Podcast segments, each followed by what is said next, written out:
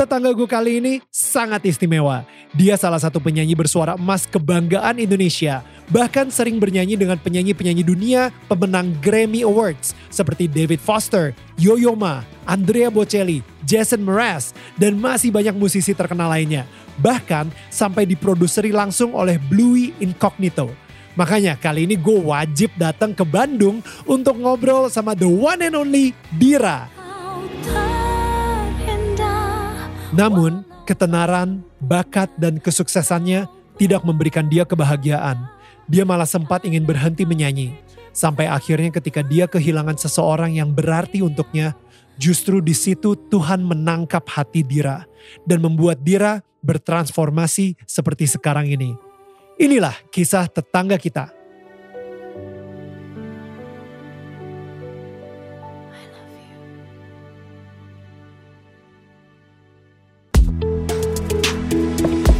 Ini gua Daniel, tetangga kamu. Di sini gua akan ngobrol dengan tetangga gua tentang perjalanan hidup mereka dari kacamata spiritual di saat mereka mengalami situasi tidak pasti dan kekhawatiran sampai bisa kembali bangkit menjadi orang yang lebih kuat dari sebelumnya. It's gonna be very exclusive and inspiring. Alright guys, sekarang ini kita lagi di set yang berbeda karena kita saat ini lagi ada di Bandung di Hotel Kartel by Demalov Indonesia. Very exciting dan dengan bangga kita persembahkan tetangga kita kali ini Dira. What's up? Yay, Yo oh Dira. Man, Akhirnya ya akhirnya, kita. akhirnya gue dan you know what? Ini kita benar-benar spesial banget ke Bandung hanya untuk ngobrol sama Dira. Aduh, Right? aku merasa tersanjung. gue jarang kita jarang banget kita jarang banget actually uh, kemarin tuh kayak misalnya lagi ke Bali itu actually karena ada beberapa urusan dan kita shootnya di Bali gitu. Tapi ini di Bandung lu sespesial itu. Alhamdulillah. lu se se epic itu dan gue sendiri juga tahu perjalanan hidup lu juga your spiritual journey sekeren itu sampai kita bawa semua kru kita dari Jakarta untuk ke sini Terima kasih loh. especially to talk to you Thank you so much Daniel. you know what Dira? Like um, kemarin itu gue denger lagu utuh ya kan? Dan um, ternyata lagu itu emang udah kayak merubah hidup banyak orang. So untuk interview kita kali ini gue akan sangat fokus strukturnya dari lirik lagu utuh itu juga. Because I think it will relate bukan cuman ke lu aja ke gue juga dan juga ke para penonton kita gitu kita mulai dari lirik lagu yang pertama. Tapi kalau bahas lagu itu lu udah siap. mewek. Udah. Oke. kemarin itu udah sempet juga ya. Oke. gue lagi ngobrol sama siapa gitu gue yang nangis. Oke. lirik pertama di lagu utuh dibuka dengan siapakah itu yang ada di depan cermin. Mungkin kita bisa mulai dengan itu kali. Siapa sebenarnya yang lu lihat di depan cermin? Memang menurut gue lagu utuh tuh pertama dia punya lirik yang sangat kuat ya. right Jadi waktu Mbak Anita Hartono dan Mas Yohanes Rusli sebagai pencipta lagu minta gue untuk nyanyiin lagu itu, yang lucu bukan lucu sih, gue nggak langsung dengerin lagu itu. Gue bilang mereka bilang "Eh, kita punya lagu, kita pengen banget Badira yang nyanyiin karena kita merasa message-message yang disampaikan oleh Mbak Dira di media sosial itu eh, se apa ya align Selaras. ya dengan eh, apa yang ingin mereka coba sampaikan lewat lagu itu. Terus gue bilang oke kirim aja Hmm. Eh, aku denger dulu gitu kan. Jadi pas gue denger kata-kata pertama itu gue langsung nangis. Karena gue ngerasa kayak kan itu pertanyaan ya siapakah itu yang di depan cermin. At that moment kayak gue ngerasa kayaknya iya deh I don't know who I am gitu. wow. Siapa itu gitu ya. Terus masuk ke lirik-lirik berikutnya itu tambah lagi. Siapakah itu depan cermin menatap kabar eh, menatap diriku terus kan kayak ada kata-kata bahagiakah dirimu saat ini gitu. Ya. I don't even know anymore gitu loh Wow. nih. Jadi gue nangis banget. Terus gue langsung oke mbak aku mau nyanyiin lagunya gitu. Wow. Terus kita rekaman. Pada saat gue denger hasil rekaman suara gue sendiri, gue nah tetap masih nangis juga amazing. loh That's ternyata amazing. Ya. gitu ya. Gue baru paham bahwa healing itu sebenarnya kayak gitu nih. Hmm. Healing it's not like kayak all rainbows and stuff. Uh. But healing is kayak nangis Hmm. dan lu bener-bener felt like such a relief. Lu lepas semua, lu Wow. let go, lu surrender. Wow. Udah gitu lu baru bisa rilis. Wow. Jadi awalnya ceritanya lagu utuh tuh gitu. Oke.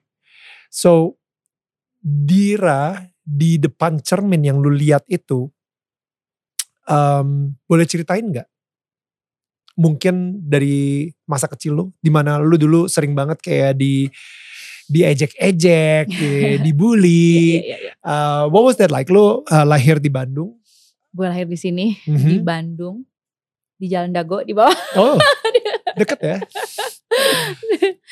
Em, Sebenarnya sih eh apa yang bisa gue inget dari masa kecil gue kalau di keluarga masa kecil gue alhamdulillah cukup bahagia nih. Oke.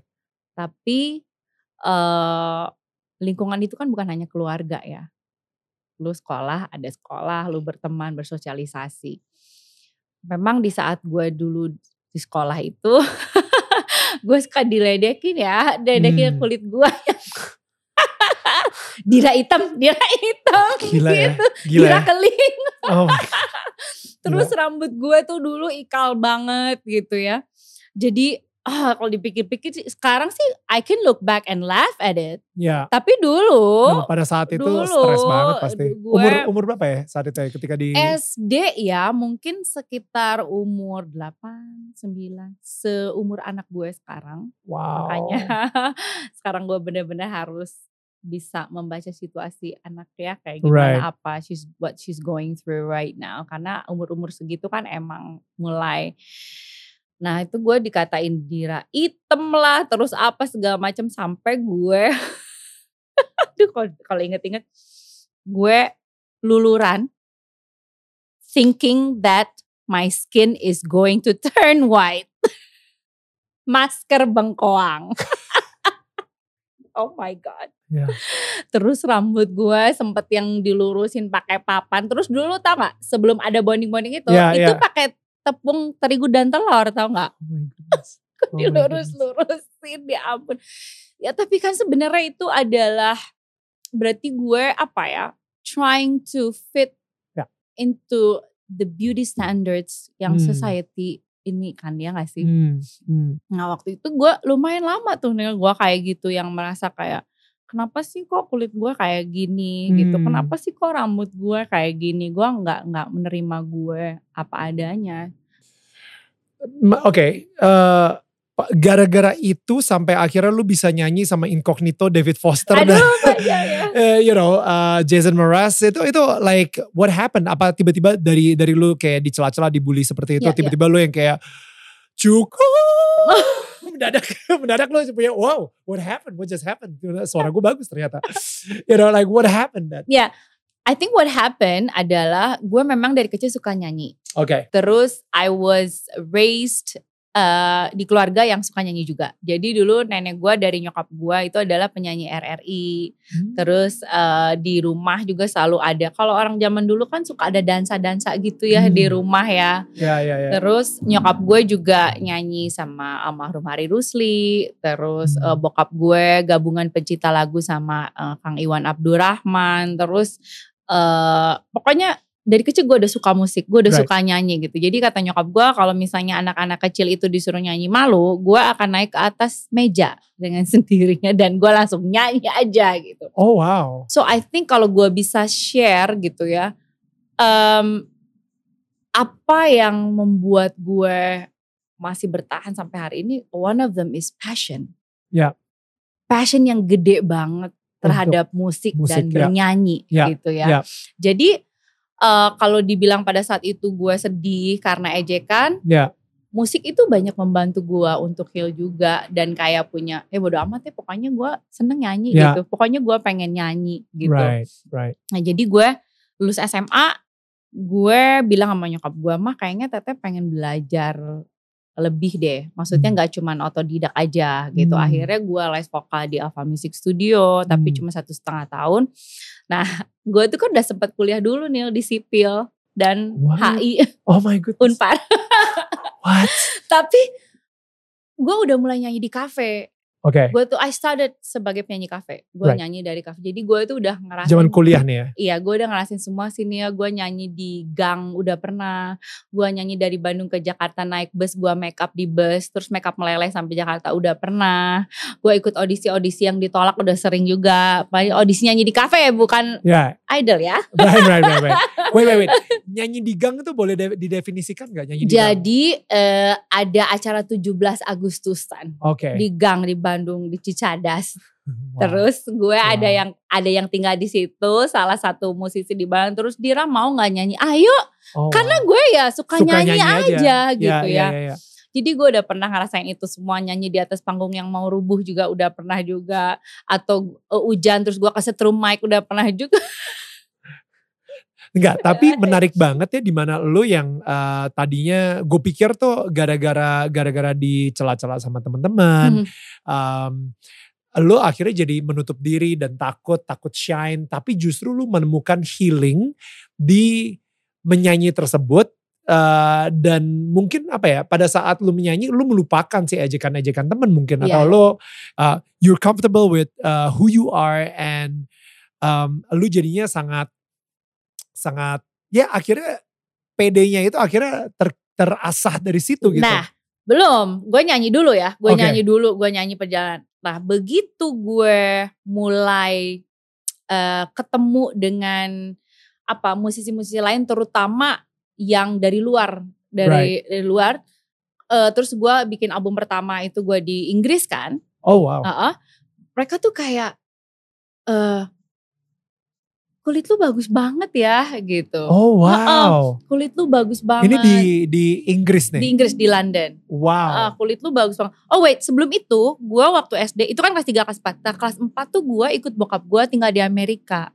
Ah, Karena bokap gue took his master degree di Amerika. Oke. Nah di situ, padahal itu tahun 89 Nil ya. Ya. Tahun 89 orang-orang di and it was in Kansas. Oke. Jadi itu kan bukan lu tau kan itu South yang lebih banyak kayak Iya itu kan isinya kayak orang kulit putih yang yang kadang-kadang malah bisa dibilang rasis ya sama ah tapi orang kulit ternyata gelap gitu. enggak gue ya alhamdulillah sih maksudnya seingat gue gue tidak mengalami itu malah mereka kayak kayak lu tau gak sih kayak orang tuh kayak aneh banget kayak kayak kita ngeliat bule. Hah? Eh, iya iya iya oh my god your skin kata and your hair dipegangin gitu terus malah malah mungkin gue sempet disangka kayak native kayak Right. Indian gitu dikiranya Oh, Oke oke oke. karena ya gue gak tahu mungkin orang belum terlalu tahu banyak Asia juga saat itu ya. Iya.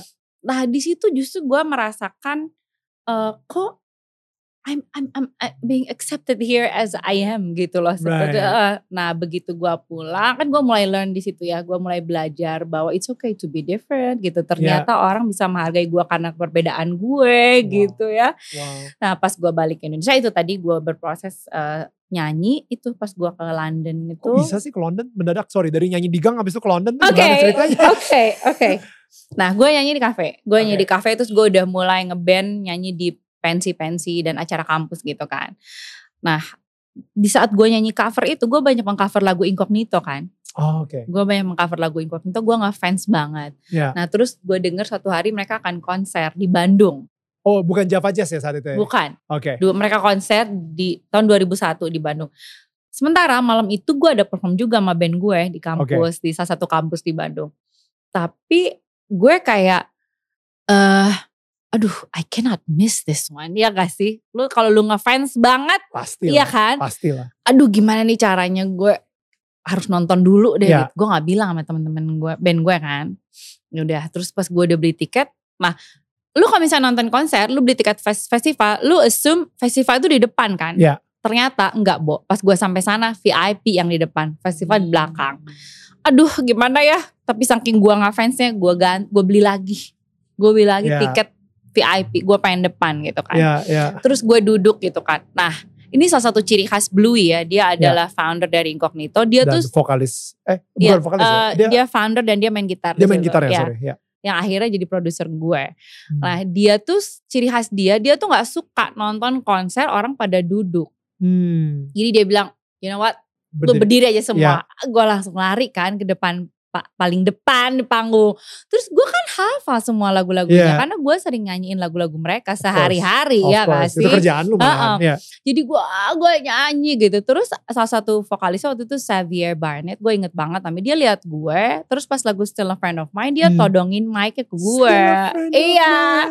Dia todongin mic ke gue. Terus dia kayak gue tadinya suruh naik. Tapi kan panggungnya tinggi banget. Itu teman-teman gue kayak udah mau dorong-dorong pantat gue. Ya, ya mungkin lagi. gue nyanyi. Terus udah itu dia kayak ngasih bahasa isyarat abis ini lo ke backstage ya gitu. Uh, uh. Nah, terus tapi kan gue kayak aduh gue harus nyanyi nih temen-temen gue udah nungguin gue Iya, gitu. iya. Tapi gue nggak tahu kenapa kayak oh it was a decision I had to make at that time. Uh. Lo harus ke sana untuk nyanyi atau lo ke backstage dulu untuk Iya. nemuin mereka. Iya. Lo pasti sering dong menemuin apa momen di mana lo harus ngambil Dan ada satu keputusan. satu part yang gue regret banget sampai hari ini. Nah, eh, gara-gara momen itu. Dan gue bilang, nope, gue adalah seorang profesional. Jadi gue memilih misalnya Itu. untuk Iya, menyanyi iya, sama iya, teman-teman iya, gue iya, gitu misalnya.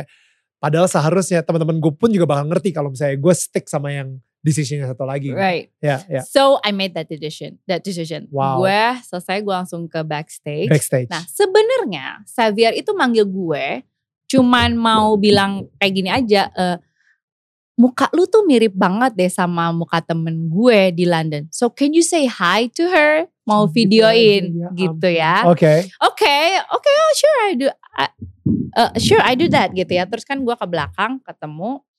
Terus di situlah kayak kita cuma tuker-tukeran nomor. Gue harus pergi nih, gue bilang gitu. Oke, Right. boleh nggak gue minta nomor telepon lo kata dia gitu. Wow. Oke, oke, udah gue cabut. Udah telat sih gue ya.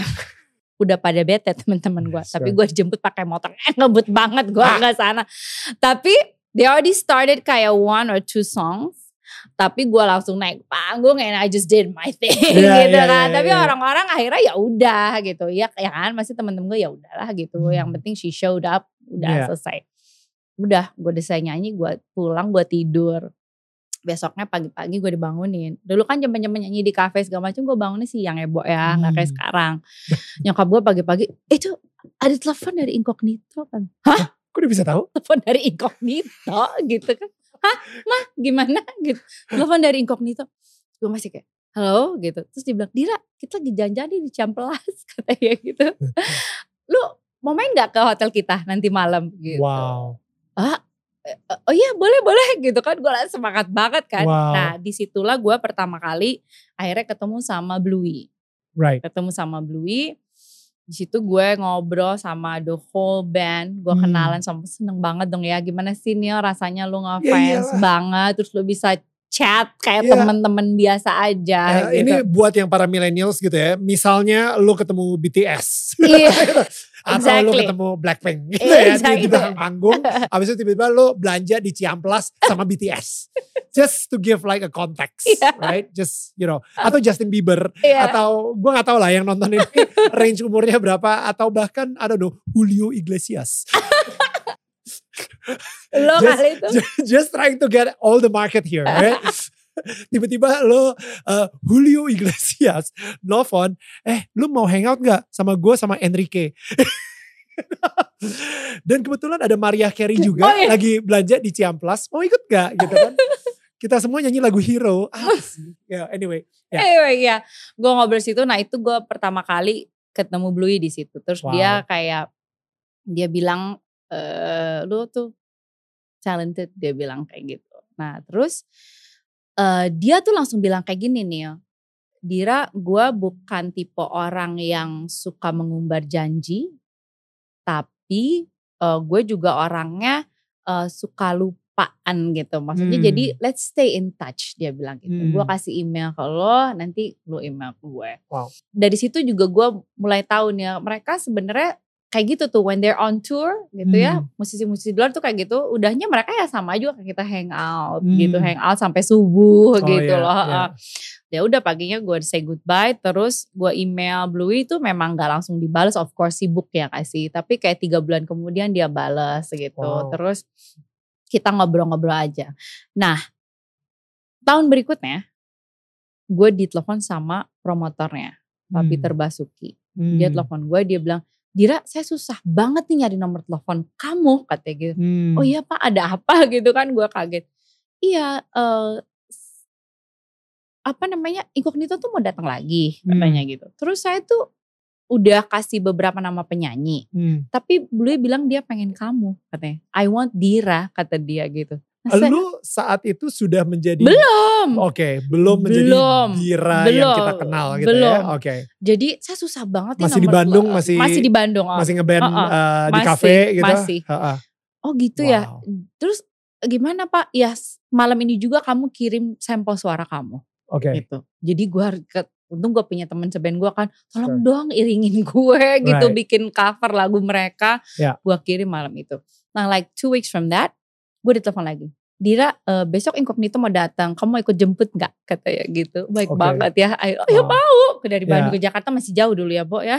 Jakarta langsung Iya, daripada ke, ya. ke bandara gue Ya. jemput gua terus Bully langsung kayak Dira sebenarnya saya pengen kamu ikut nyanyi kata dia gitu cuman di Jakarta tuh sponsor udah eh, menyediakan bintang tamu lah gitu featuring. Jadi it's okay ya kamu nanti nyanyi di Bandung aja. It's even better right? It's my hometown Right. gitu loh.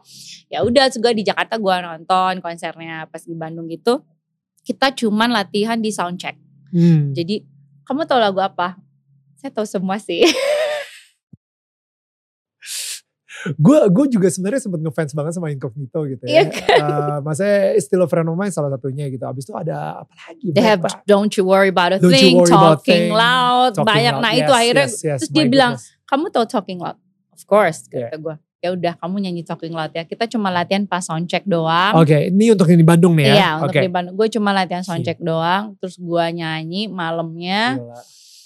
Man, that experience. Lu kebayang gak sih? Gila. Gue anak band cafe. Terus Gila. gue mendapatkan kesempatan untuk nyanyi sama band yang gue cover sehari-hari. Gila. the whole energy and the discipline beda banget Nil. Itu di situ gue kayak bener-bener langsung kebayang gak sih kayak gue Iya. pede banget nih energinya segala macem tuh kayak wah gue ngerasain banget. Dan begitu selesai, Bluey kayak I want you to join the rest of the tour. Dia bilang kayak gitu. Jadi gue bener-bener The rest of the tour itu di mana? Di Indonesia aja ya atau? Surabaya, Makassar, Medan. Jadi gue ikut. Nah waktu itu bokap gue lagi di India, nyokap gue lagi di Dubai. Dan gue Right. belum ada manajer-manajeran. Ya, ya. Jadi nyokap gue, jadi gue telepon mah gini-gini itu nyokap gue. Ya udah kamu berani nggak pergi sendiri gitu? Hmm. Berani. Hmm. See I was always that kind of girl Nil yang kayak Hmm. kalau ada kesempatan atau challenge Take it. go for it, take Yeah. it gitu. Berani. Ya udah nggak apa-apa, berangkat Hmm. kamu.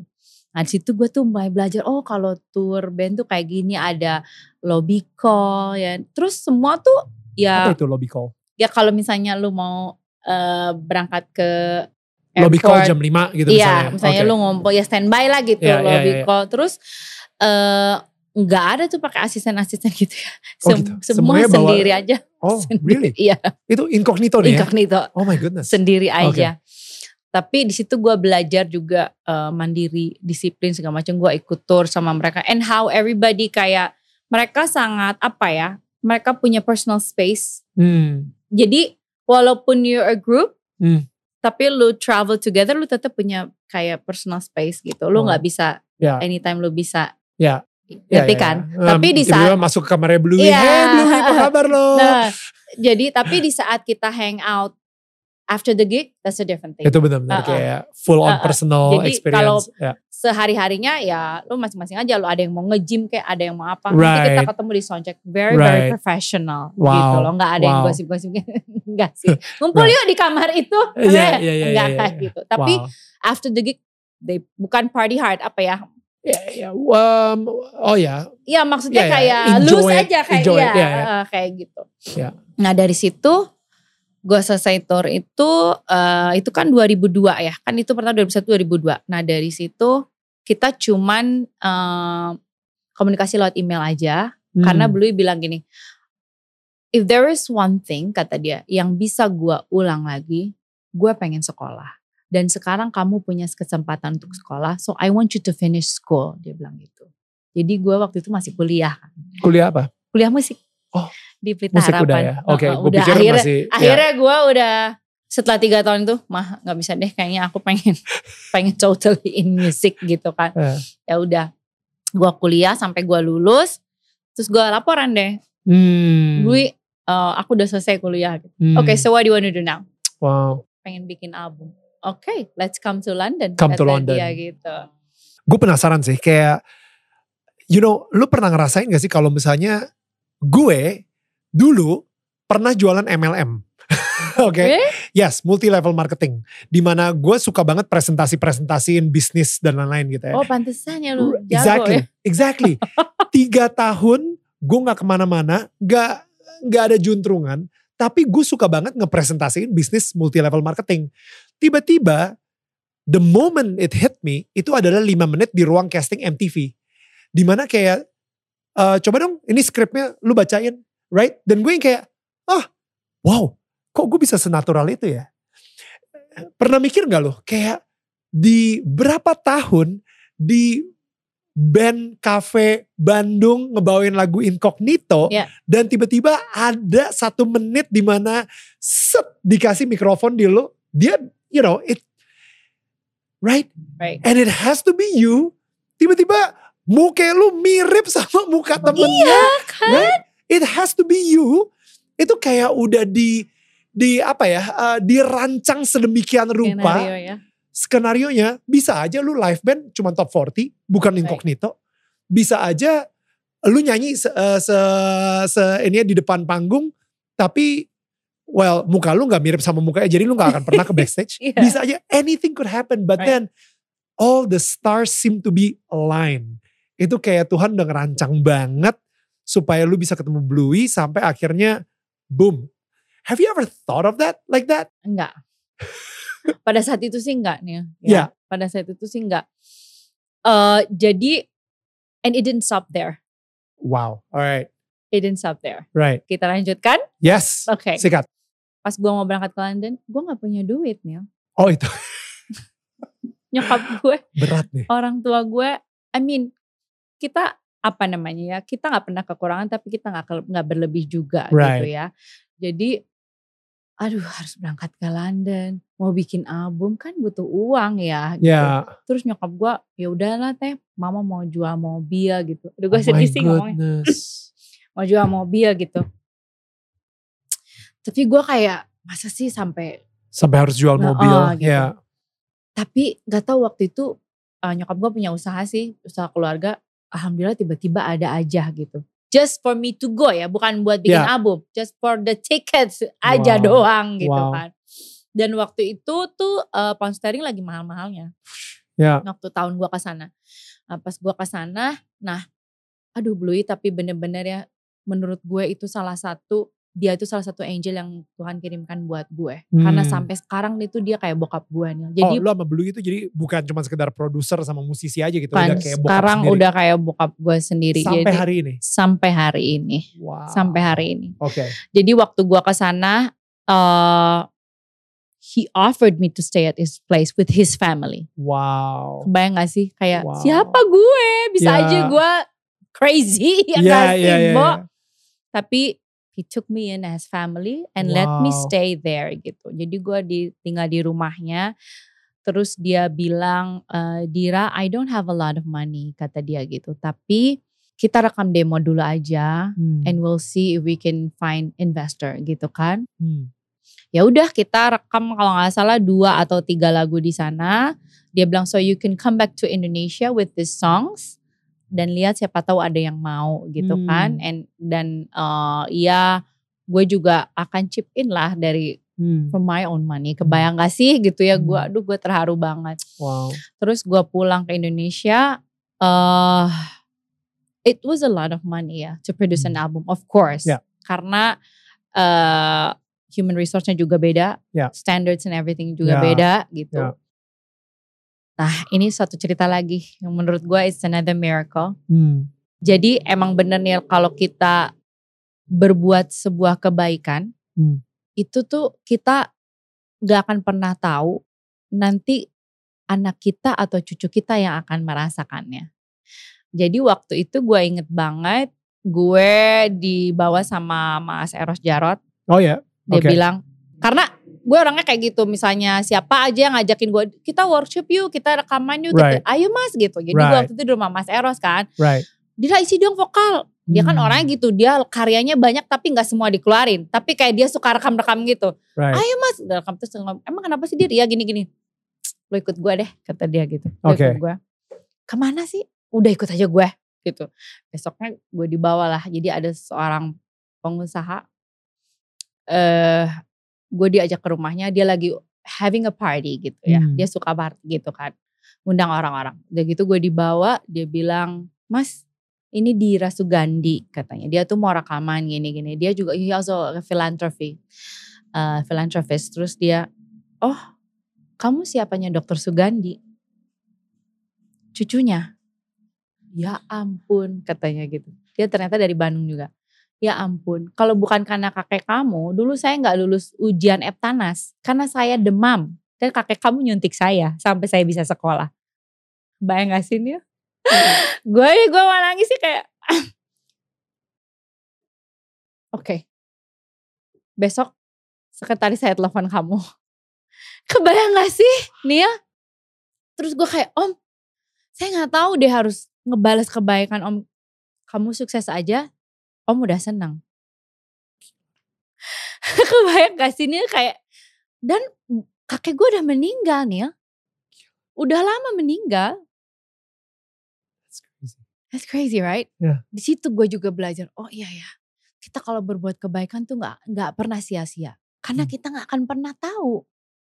Gitu. Kalau bukan karena kakek kamu, kebayang gak sih? Ya udah so, alhamdulillah akhirnya ada biaya gue menyelesaikan album itu dan album Hmm. itu direkam di beberapa tempat selain di London juga kita rekam di Bali juga karena karena Bluey wants to get the vibe and the atmosphere Hmm. dari eh, tempat asal gue Hmm. ya di Bandung juga di Hmm. Jakarta di beberapa tempat inspirasinya datang dari Right. tempat yang berbeda-beda Right. ya udah udah selesai album terus gue release nah itu terus ada lagi kejadian-kejadian lainnya Neil yang akhirnya tadi lu sebutin gue sama David Foster, David Foster Jason, Jason Mraz, Andrea Bocelli Andrea Bocelli. What? Ya. Andrea Bocelli itu bener-bener juga itu miracle juga kalau gue ngecerita sama lo Neil jadi nyokap gue setiap lihat Andrea Bocelli di TV Hmm. nyokap gue gini kamu suatu hari harus nyanyi sama dia mah please deh mah gitu he's the best tenor in the world gitu kan gak mungkin lah Ya. gitu kan Ya. tapi nyokap gue selalu kayak Doain aja kayak. iya terus kayak mengucapnya tuh pede banget gitu kan Wow. kayak yakin gitu Wow. kamu harus duet sama dia teh gitu teh tiba-tiba aja gue lagi di siap-siap di backstage buat suatu acara TV acara musik gue ditelepon sama Java Festival Production sama waktu itu join sama Pak Peter Basuki itu lagi promoter incognito. Eh, Dira kita tuh mau kedatangan penyanyi dari Itali. Terus orang lucu lagi datang penyanyi dari Itali. Bocelli Bocelli Bocelli gitu. Andrea Bocelli maksudnya. Dia gak tahu. Andrea Bocelli maksudnya mas gitu. Iya emang kamu ya ampun dia tahu lah gitu oh ya kita lagi ngajuin beberapa penyanyi nih termasuk kamu gitu jadi kamu bisa nggak secepatnya kamu kirim CV kamu link ke semua video-video performance kamu oke oke udah gitu gue langsung telepon nyokap gue dong Yeah, of course. Gue langsung, mah ini aku disuruh nyanyi suruh gini. Ya Allah Nat mama doain ya, pokoknya mama doain gitu. Udah. Nah gue waktu gue wisuda itu gue di Inggris. Right. Jadi gue gak pernah punya, gak pernah ikut wisuda, ijazah belum ada di gue. Oke. Tapi by that time teman seangkatan gue udah jadi dosen Bo di Gila. kampus. Jadi gue bilang, eh gue perlu ijazah gue nih, gue belum ambil kata gue gitu. Buat apa Andir? Ini buat, hah buat Andre Bocelli? Oke kita, gue urusin katanya gitu Langsung cepet gitu. kirim CV gue. Terus malam itu juga gue bilang, Dira, eh gue ditelepon, Dira ini dari manajemen Andrea Bocelli langsung, mereka pilih kamu. Gue langsung telepon nyokap gue, gue langsung gila. nangis. Gila, gila. Nyokap gue bilang, kamu harus sujud syukur. Iya, langsung iya. sujud syukur. Gila, gila, gila. Gila banget gak sih? Gila. Menurut lo kayak, Ya. is that a coincidence setelah incognito, terus and then Andrea Bocelli and then so on so on so on gitu. Nah di situ Neil gue mulai kan lu tadi nanya gue mulai ini apa ada maybe God has a plan Campur tangan Tuhan. for me gitu. Ya. Oke, kita masuk ke baris lirik yang kedua. Oke. Eh, apakah kabarmu selama ini? Siapakah itu menatap padaku? Apakah dirimu utuh? Hmm. Bahagiakah selama ini? Hmm. Pertanyaan bahagiakah selama ini, mungkin gue pengen nanyainnya ketika yang barusan lu ngomong, lu udah nyanyi sama Andrea Bocelli, Jason Mraz, uh, what Kit Martin, uh, David Foster, Incognito, diproduserin sama Bluey, and like gila. Bahagiakah kamu selama ini? Nah itu ya. Right? Sampai lu pengen stop nyanyi. What? Kayaknya gue orang yang gak bersyukur banget ya. Well, I don't know. Like let's let's talk about that. Ya ternyata waktu itu ya. Gue selalu merasa kebahagiaan itu diukur dari pencapaian. Ya gak sih? Gue gak tahu sih. Mungkin kita uh, belum waktu itu kita belum kenal. Tapi sebenarnya kalau Dewi pasti tahu juga ya. Gue tuh dulu orangnya sangat kayak apalagi nih, apalagi. Sure, Gitu ambisius lah. ambisius Iya. dan apa ya selalu selain ambisius tapi kayak eh, You wanna top your last achievement. iya terus kayak nggak nggak nyantai nggak bisa tuh gue kayak relax gitu nggak bisa gue harus selalu melakukan sesuatu and I always need Oh. challenge challenge challenge gitu loh Ya itu dulu gue banget kayak Iya gitu sih. Ya, so ya, you ya, can ya. relate right Soalnya begitu begitu gue mulai relax dikit, gue ngerasa takut. Gila gak lo? Gue ngerasa takut, takut eh, job gue diambil lah, takut gue nggak laku lagi lah, takut gue jadi pemales, takut gue terlalu comfort. Jadi akhirnya gue yang bener-bener ya itu gue ambi banget dan misalnya gue udah jadi eh, VJ MTV, what's bigger? What's Yeah, bigger? yeah, you know, yeah, what's yeah. bigger? Oh, exactly host Indonesian Idol. Exactly. what's bigger? What's bigger? Akhirnya, kayak you always think you need apa sih uh, ya, you know, ya. you need to have that adrenaline and kayak Yeah, yeah, yeah. drive New gitu challenge kayak, and uh, uh, everything. uh, uh. What's bigger? Oh, uh, gue main film. Ya, yeah, what's bigger? Oke, produser film. Tapi yet at the end of the day, itu semua karena takut. Dan gua akhirnya jadi nggak bersyukur sama my present moment. Right, exactly. Waktu itu kan gue belum paham ya. Right, Uh-uh. right. Jadi kayak gue merasa, gue pikir di saat gue mencapai ini, gue akan bahagia.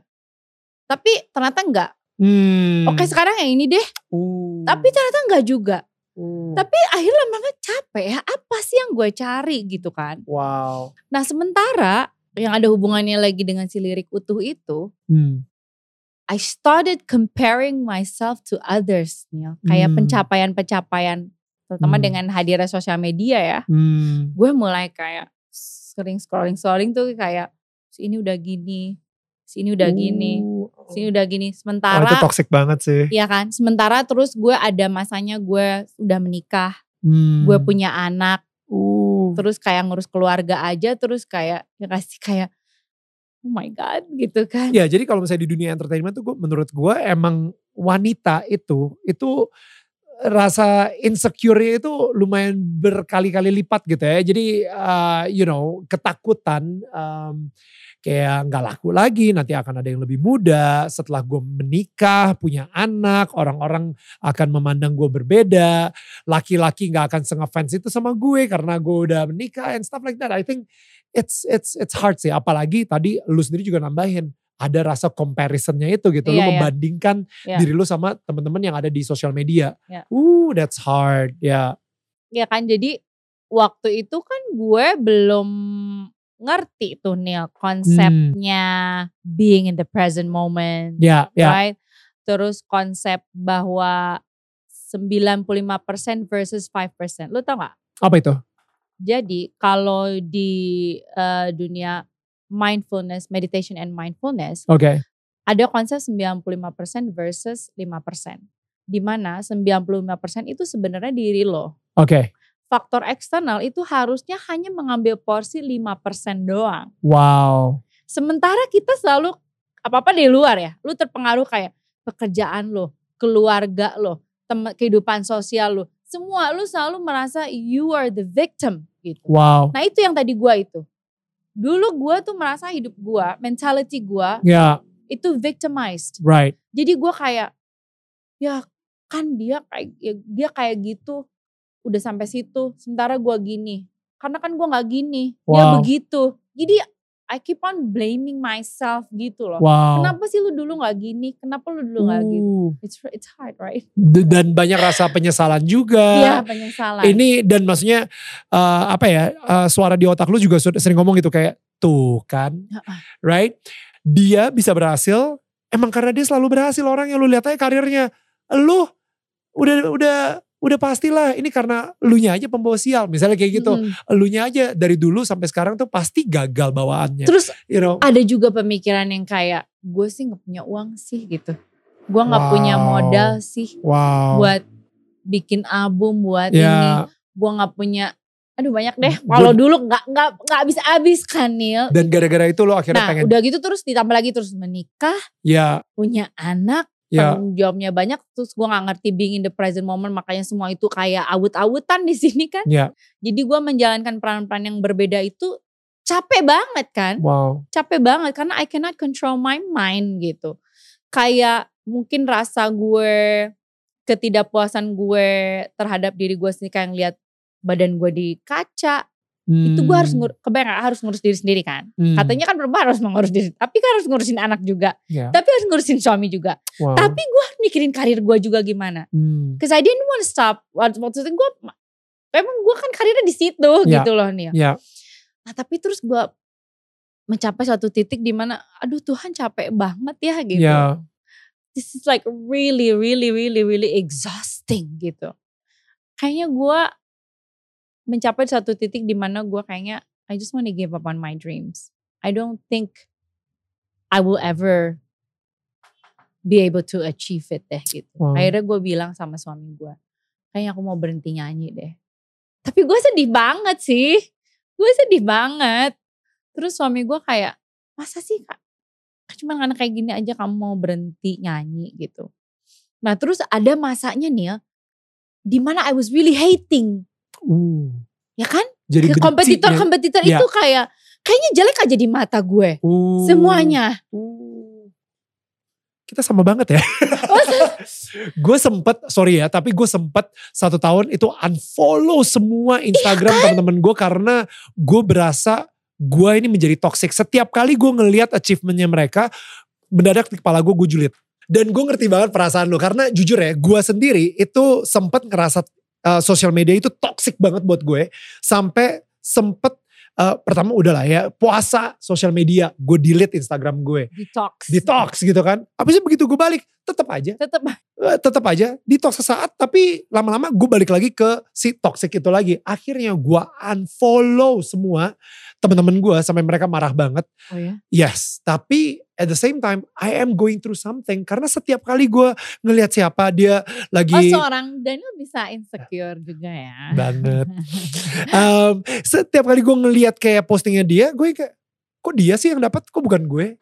You know, setiap kali gue ngelihat kayak ada ada dia yang dapat apa, dia lagi ngepromosin apa, gila nih orang kok isinya iklan mulu sih, Ah, whatever. You know, like akhirnya Yeah. gue mulai kayak, uh, uh, you know, kok follower dia bisa lebih banyak. Yeah. Man, like gue kok bisa, gila usaha gue lebih gede loh daripada dia, kenapa like dia yang bisa lebih banyak?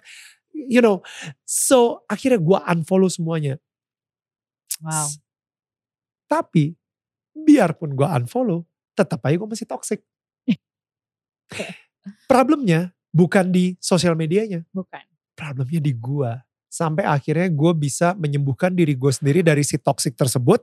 Barulah siapa ya temen gue bilang ya, kayak em, ya, oh istri gue, Viola. Hmm. Dia bilang, gue gak ngerti ya kenapa lu bisa mempunyai perasaan seperti ini. Tapi kalau misalnya gue ngelihat ada seseorang yang lagi merayakan sesuatu, seseorang yang lagi dapat uh, promosi sesuatu, dia naik pangkat, dia dapat jabatan baru, dia dapat job baru, gue ikut bersuka cita sama dia.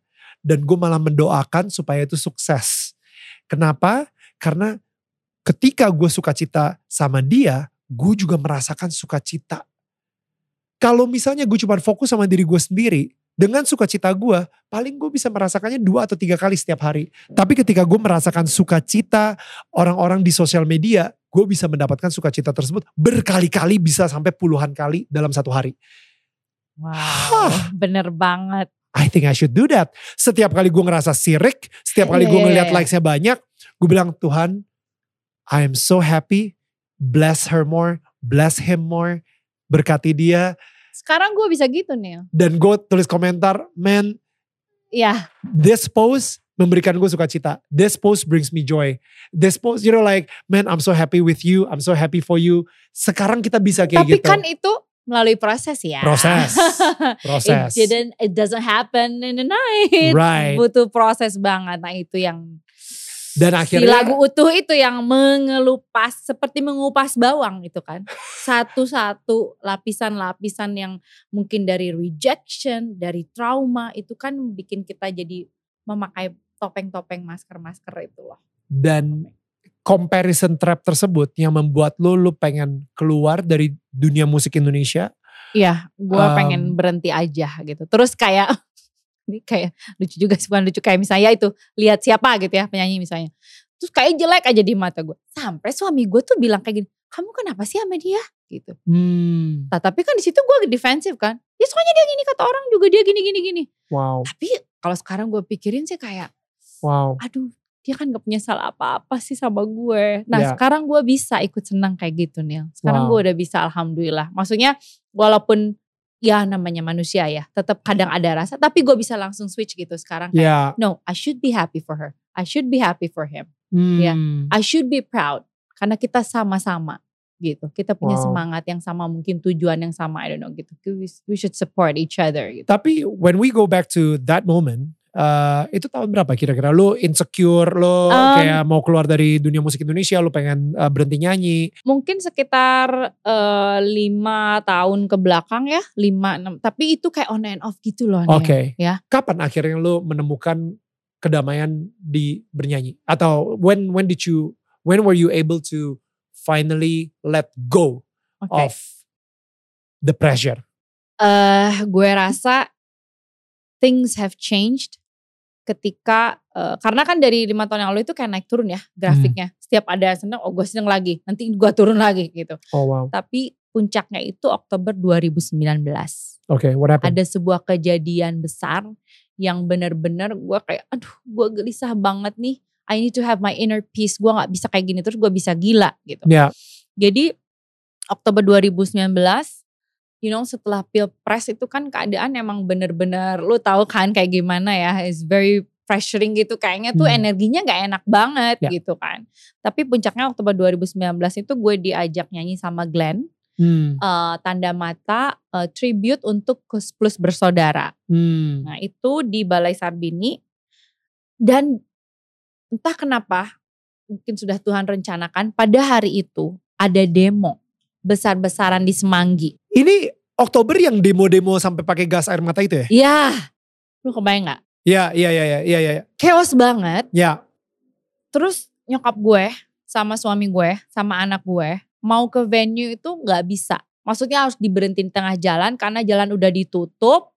Itu kayak ada guys air mata terus bom molotov segala macam udah kayak perang. Suami gue harus gendong anak gue tutupin pakai eh, jaket, what? menerobos kerumunan dan gas air mata itu. Kalian kenapa ada di tengah jalan saat itu? kan itu tanggal tuh sudah ditentukan konser dari jauh-jauh hari. You Oh. cannot cancel it, ya kan? Iya, iya, iya. Dan Glenn juga gak bisa.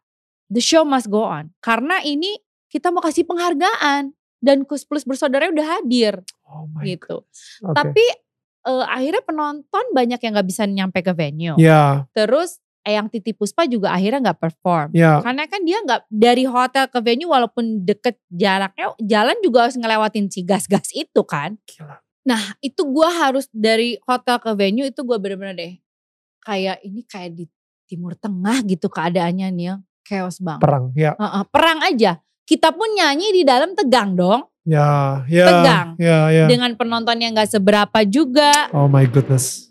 Tapi tetap kita harus memberikan yang terbaik buat Kus Plus yang udah hadir pada hari itu gitu kan. Tapi alhamdulillah sih kita tetap yang di dalam ruangan ya kita tetap ya kita tetap seneng aja kita nyanyi dan Kus Plusnya seneng banget ya dapat penghargaan gitu. Wow. Uh, tapi sesuatu malam itu udah menjadi trigger dalam diri gue gitu loh. Kayak gak bisa nih gue kayak gini.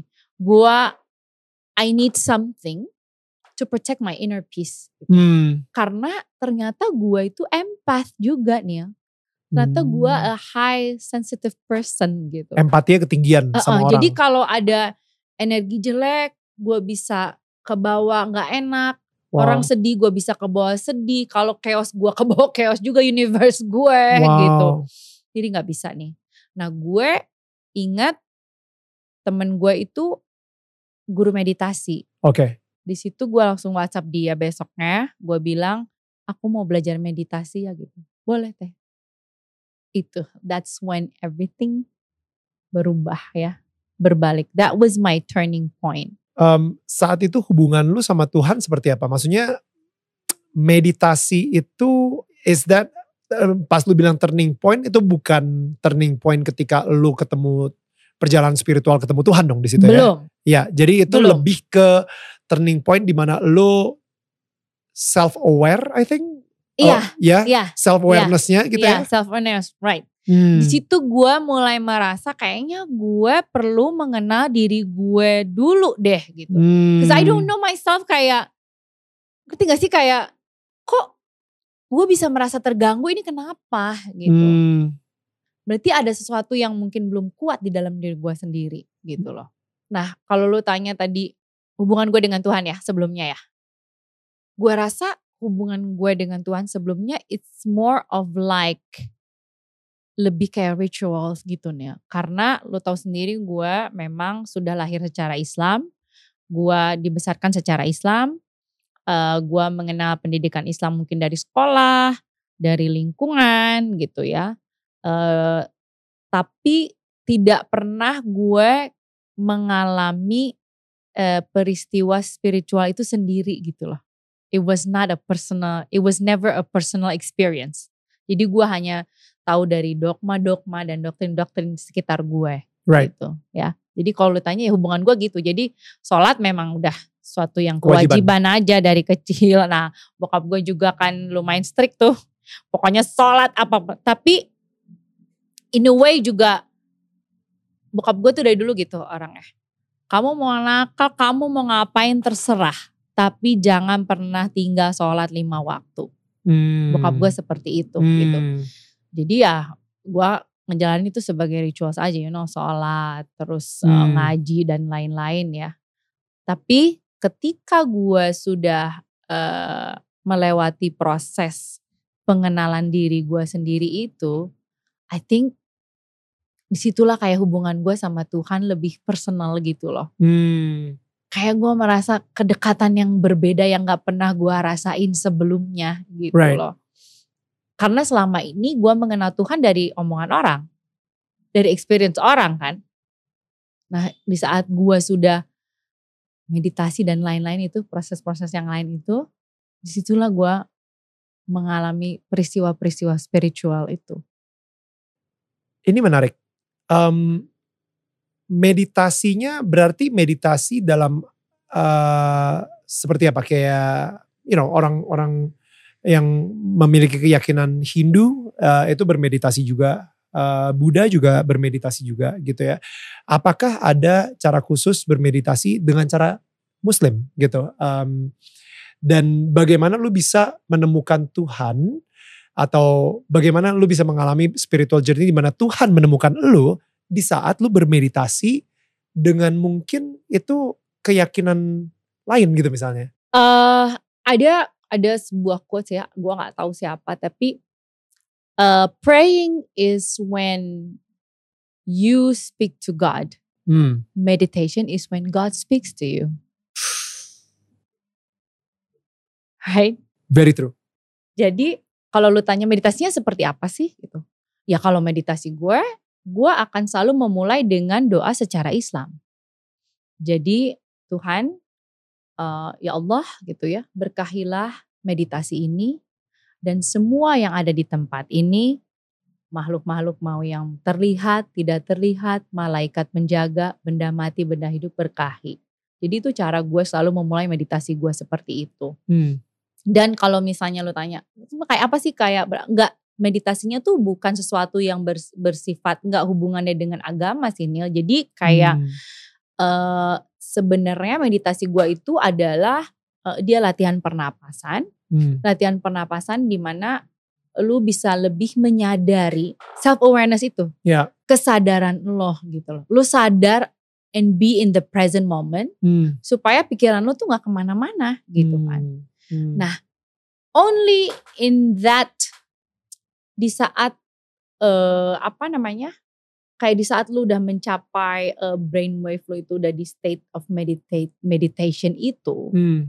Situ tuh lu baru bisa it's when the magic happens kayak lu bisa merasakan banget semua suara-suara gitu ya. Yang mungkin lu menyebutnya I don't know kayak tadi lu cerita Roh Kudus itu ya. Hmm. Suara-suara yang selama ini kan lu terlalu sibuk, kita terlalu sibuk ya. Nah, dalam meditasi itu lu bisa mendengarkan suara-suara yang kayak you can have a conversation with God gitu loh. Suara ilahi. Yeah. Kemarin gue baru ngobrol sama Mas Anang, dia ngomongnya kayak gitu. Uh, ketika kalau di Muslim dia bilang tafakur. Yes. Which is um, saat di mana Tuhan berbicara sama yeah. lu dan itu yeah. uh, lu mendengarkan suara ilahi atau bisikan ilahi. Iya, yeah, di situ. Nah, di saat lu udah udah lebih sering latihan meditasi itu lu mulai memiliki yang tadi lu sebut self awareness. Hmm. Kesadaran, hadir secara utuh, balik lagi hmm. ke utuh.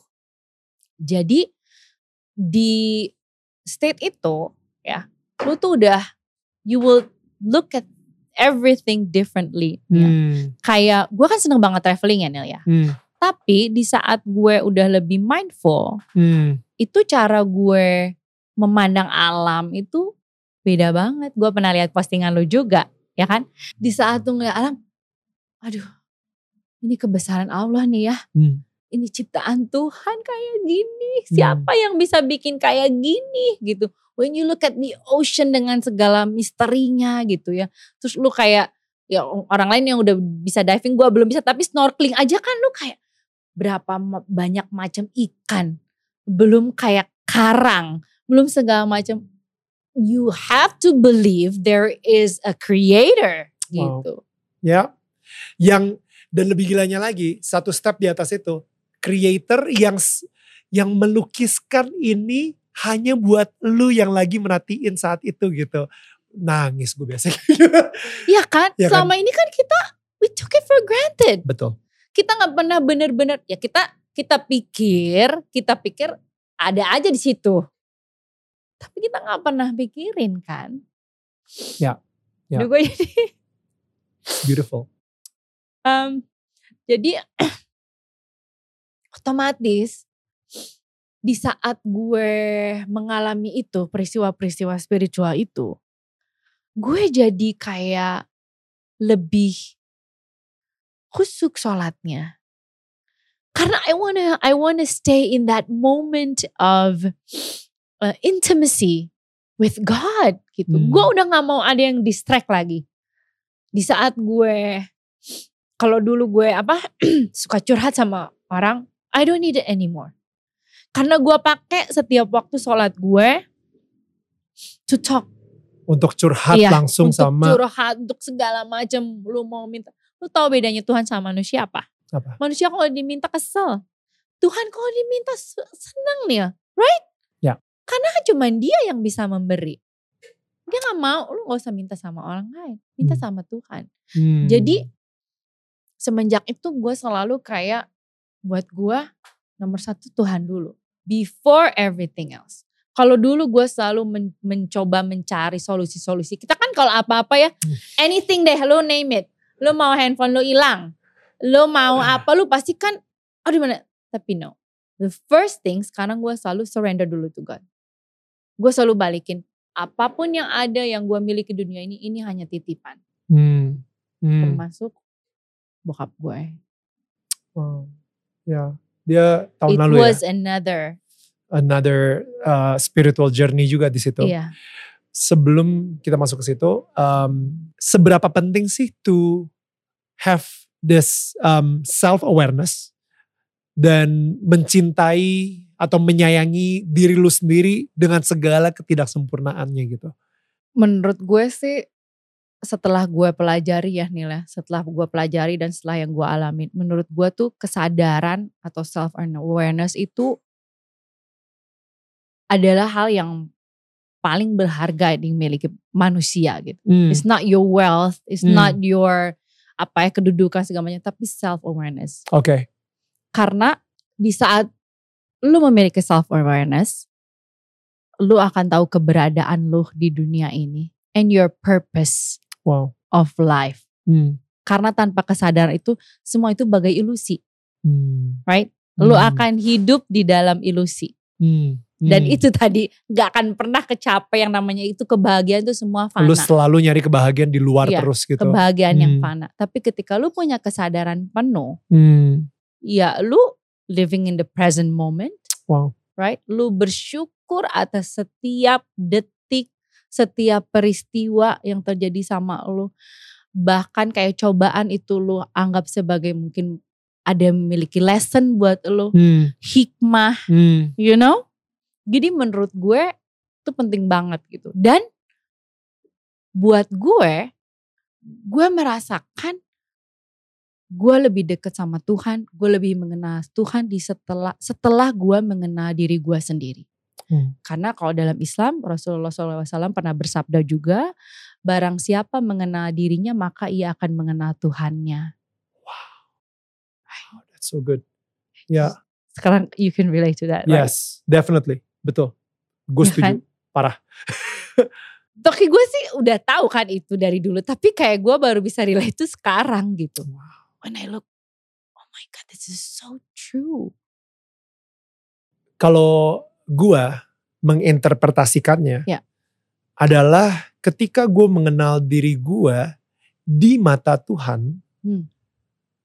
gue mendapatkan sebuah ident- identitas baru, di mana Tuhan tuh ternyata sayang banget sama gue apa adanya. Tuhan itu memaafkan gue dengan segala ketidaksempurnaan gue. Tuhan itu benar-benar kayak um, menerima gue, tidak menghakimi gue, Ya, you know. banget. Dan padahal di mana orang-orang di sekitar gue mungkin menghakimi gue, Baik. tapi Tuhan tuh selalu kayak, no, gue gak ngehakimin lo. Gue ngerti, kadang lu sendiri menghakimi diri lu sendiri, tapi gue gak pernah menghakimi lo. Dan ketika ketika lo um, merasakan itu, ya ta- tadi itu ketika um, Nabi Muhammad sempat bilang bahwa ketika kita mengenal diri kita sendiri, akhirnya kita bisa mengenal Tuhan lebih dekat Tuhan, lagi. ya. Itu kena banget sih di gue, yang Terus barusan kan- ngomong. Manusia selalu sibuk mencari Tuhan di luar. Ya, Sementara God is within you, within you. uh, Tuhan tuh bukan ada di temples, di masjid, di gereja. wow. God is within you. Uh, Dan sebenarnya goals kita itu is to be one with God. Oneness itu, wholeness itu Neil. Hmm, Di saat itu tuh udah gak ada lagi kayak ego kita, you know, ilusi-ilusi kita, sekat-sekat kita sama Tuhan tuh udah gak ada. gue baru dapat revelation. Goalnya adalah menjadi utuh bersama Tuhan. That's it, right? Ya, Ya Hmm. kan? lu gak akan pernah utuh kalau misalnya lu gak pernah tahu Tuhan di dalam diri lu itu sebesar apa gitu. Ya.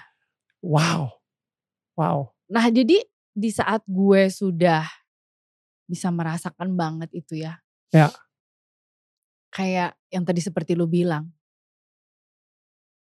Lu tuh gak usah so judgmental on yourself deh. Hmm. Karena Tuhan tuh gak gitu. Ya, Kita, gue selalu sama ini memandang kayak I don't deserve God's love deh gitu.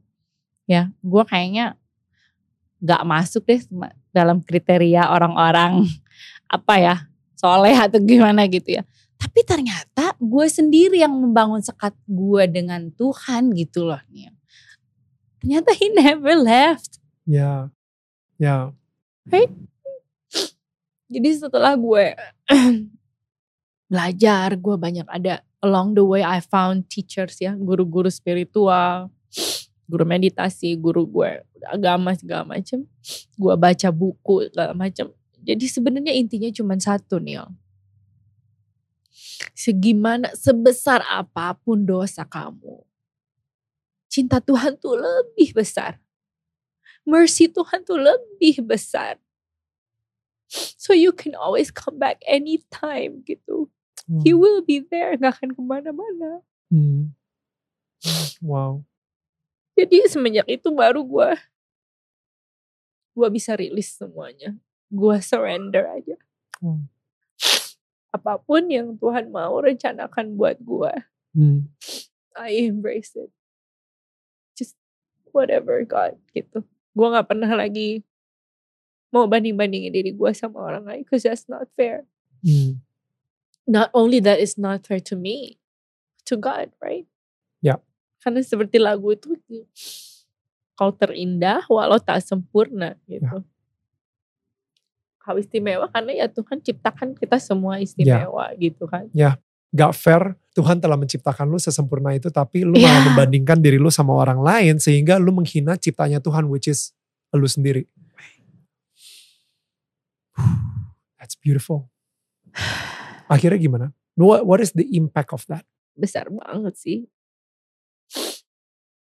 Gue sadar dulu tuh gue orangnya ya itu bitter ya. Hmm. Gue bitter dan itu pengaruh banget ke hubungannya dengan suami gue, anak gue, people around me gitu. Mungkin mereka ngerasa mungkin sering terintimidasi atau gue bossy, gue gue paham banget teman-teman gue dulu mungkin nganggap gue kayak gitu. Hmm. Kalau mereka nonton.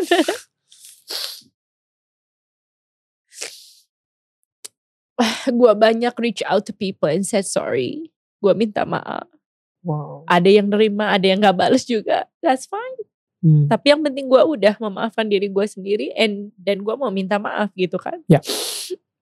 Gue mulai eh, dari situ tuh dari Oktober 2019 itu gue mulai bertekad bahwa gue pengen menjadi pribadi yang lebih baik lagi gitu ya. Nah setelah gue bisa menerima itu accept myself for who I am and Ya. for what God has created me to be Hmm.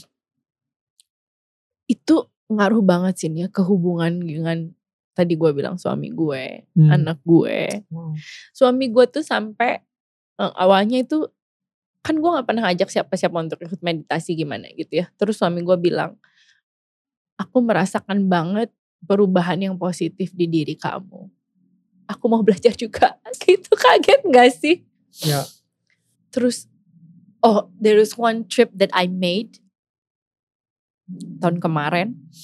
Gue eh, melakukan solo trip ke Bali gue sendiri. And I've never done it in my life before.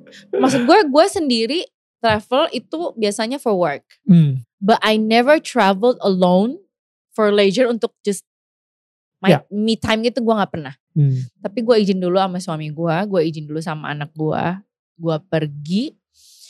Jadi guru meditasi gue tuh mengajarkan gitu bahwa ketika lo dalam dunia meditasi lu tuh lu tuh harus stop limiting yourself.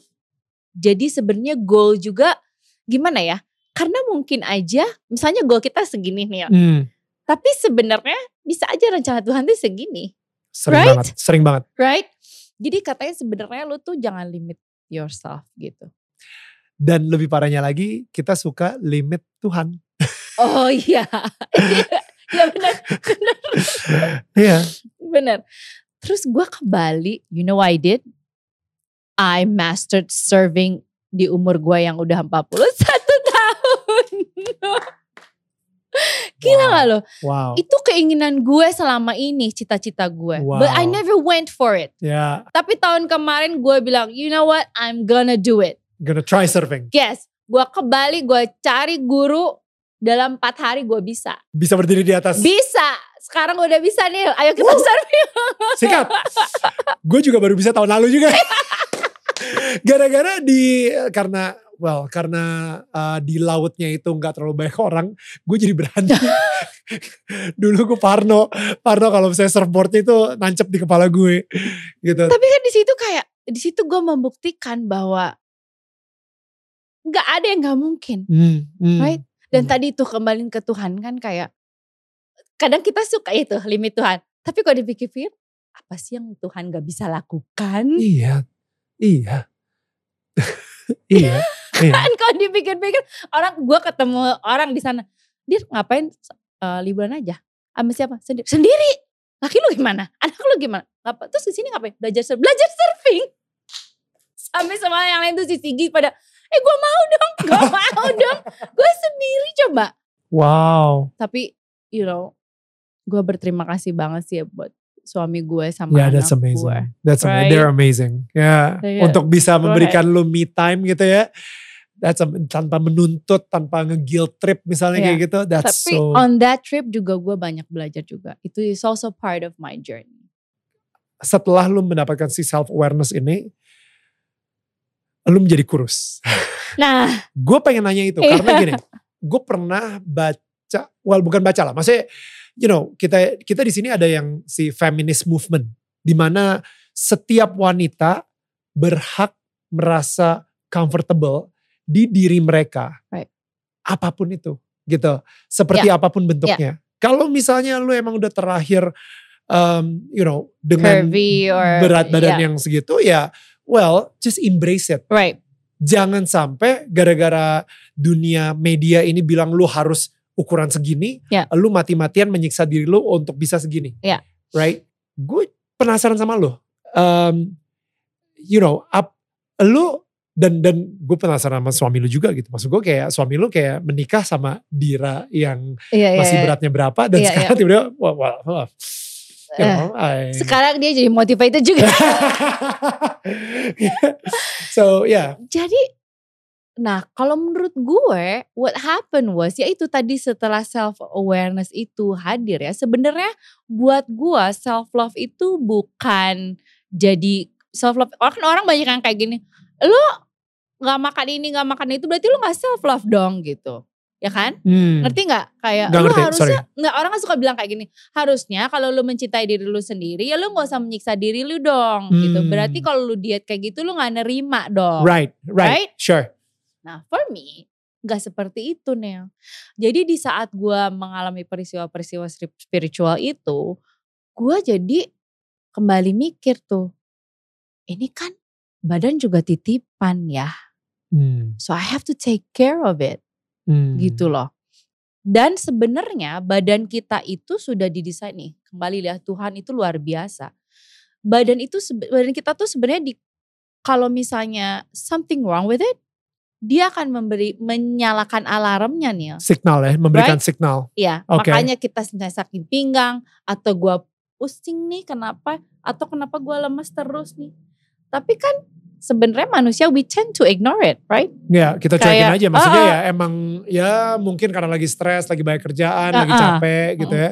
Nah, sebenarnya itu adalah tanda-tanda gitu. Hmm. Nah di saat gue belajar meditasi, gue ber- berguru ke sana ke sini, gue nonton segala macam. Itu gue juga pernah nonton tayangan kan Pak Wayan Mustika dia bilang eh tubuh kita ini ini berhubungan lagi juga dengan pandemi. Setelah dua, Oktober 2019 itu kan NN 2020 kan tahun kemarin pandemi, Pandemi. kan.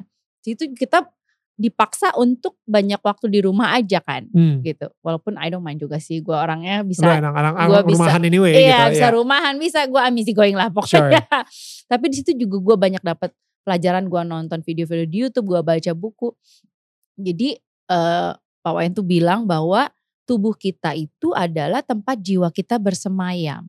Ibarat ru- rumah kita, rumah jiwa kita. Ibarat rumah kalau misalnya udah bobrok, ya udah kayak gimana ya? Udah nggak ada penghuninya juga, nggak mau orang nggak mau nempatin kan rumah kayak gitu. Nah jadi kalau misalnya tubuh kita udah bobrok juga bisa dipastikan lama-lama nggak lama lagi jiwa akan pergi dari rumah itu. Uh, oke. Ngeri gak sih? Right. Right? Wow. Jadi di situ gue kayak iya ya kalau if I don't take care of my body berarti gue juga nggak bersyukur Allah udah berikan sama gue badan yang sehat gitu. Nah di situ gue itu kan perlu that awareness. Balik lagi dong. Kayak ketika lu melihat diri lu di cermin. dengan mungkin berat yang dulu ya. Ya. Apakah lu bisa mencintai diri lu juga saat itu atau Kalau gue sih honestly I did I I hate I hated myself. Walaupun dunia ini sempat ngomong kayak no just love yourself as who you are, Iya. right. Walaupun right? Maksud gue walaupun kayak kayak biarpun kita gemuk pun ya ya udah you know like uh, this is me this is Iya. who I am Iya. Uh, love me Tuhan aja cinta sama gue dengan Iya, iya, badan iya. seperti ini Iya. dan um, makanya gue gue ya orang kan beda-beda ya. Tapi kalau gue, gue Iya. jujur saat itu sih gue kayak gue merasa serba salah gitu loh Neil. Kayak gue nggak merasa I don't feel confident. Terus juga, tapi yang paling penting bagi gue, I didn't feel healthy. Itu sih. lu nggak merasa sehat Gue nggak merasa sehat. Gue susah tidur. ada hubungannya karena Of course, ternyata setelah gue belajar. apa kenapa kalau misalnya lu overweight lu malah sulit tidur atau health healthnya Oke, itu not overweight. Mungkin karena dulu gue banyak consume sugar. Oke. Itu kan tentunya dong. ya. Ya. Terus gua banyak eh nah sebenarnya ini ini berhubungan sih satu sama lain semuanya ya. Kayak misalkan eh, sehat itu kan ternyata nah ini juga yang gua pelajari sehat itu ternyata is not only physically right? Tapi for me kalau journey orang beda-beda.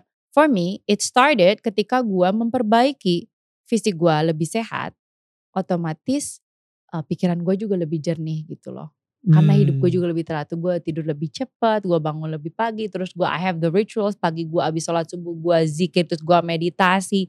Nah itu tadi levelnya nih begitu fisik gue lebih sehat terus eh, mind gue pikir lebih sehat otomatis spiritual gue naik tingkat juga nih. Wow. So sebenarnya kalau if if wanna go back bicara soal weight itu tuh ternyata bonusnya kalau buat gue. Jadi if you live healthy, Ya. itu otomatis lu berat badan lu akan mencapai what it's supposed to be. Jadi nggak ada kurus atau gemuk sih, right tapi di mana it's supposed to be. Kayak se- ideal dan sehat buat Ya lu kalau gue ya sekarang gue begini aja gitu. Hmm. Lu nggak nggak ada niat untuk menguruskan lagi gitu, lebih kurus lagi dari ini gitu. Enggak, udah, Tapi lu emang- udah gini aja, udah nyaman. Iya, eh, maksudnya s- idealnya gitu. Oke, Em, well mungkin kalau misalnya kalian penasaran seperti apa, ini bukan acara eh, Bukan. ya, ya bukan acara kesehatan gitu, sorry banget. Yes kesehatan secara spiritual ya, tapi eh, kesehatan secara fisik mungkin lu bisa cek aja di Instagramnya dia ya. Eh, mungkin dia akan memberikan tips-tips eh, bagaimana untuk eh, lu bisa jadi kurus seperti ini. Hilang berapa kilo? 10. Wow, 10. wow, that's a lot, That's a lot. that's a lot. Tapi gue rasa itu juga bukan hanya dari itu ya tadi, bukan hanya dari berat badan juga, tapi karena gue terus kan gue sekarang udah gue rutin meditasi, terus sekarang gue jadi belajar cikung juga Hmm, about energy Hmm. and chi Hmm. gitu ya. The energy I need to preserve Hmm. gitu. Kan semua segala sesuatu di dunia ini kan mengandung energi dan kalau energi itu udah hilang ya udah mati berarti ya, kan. ya. Right. ya.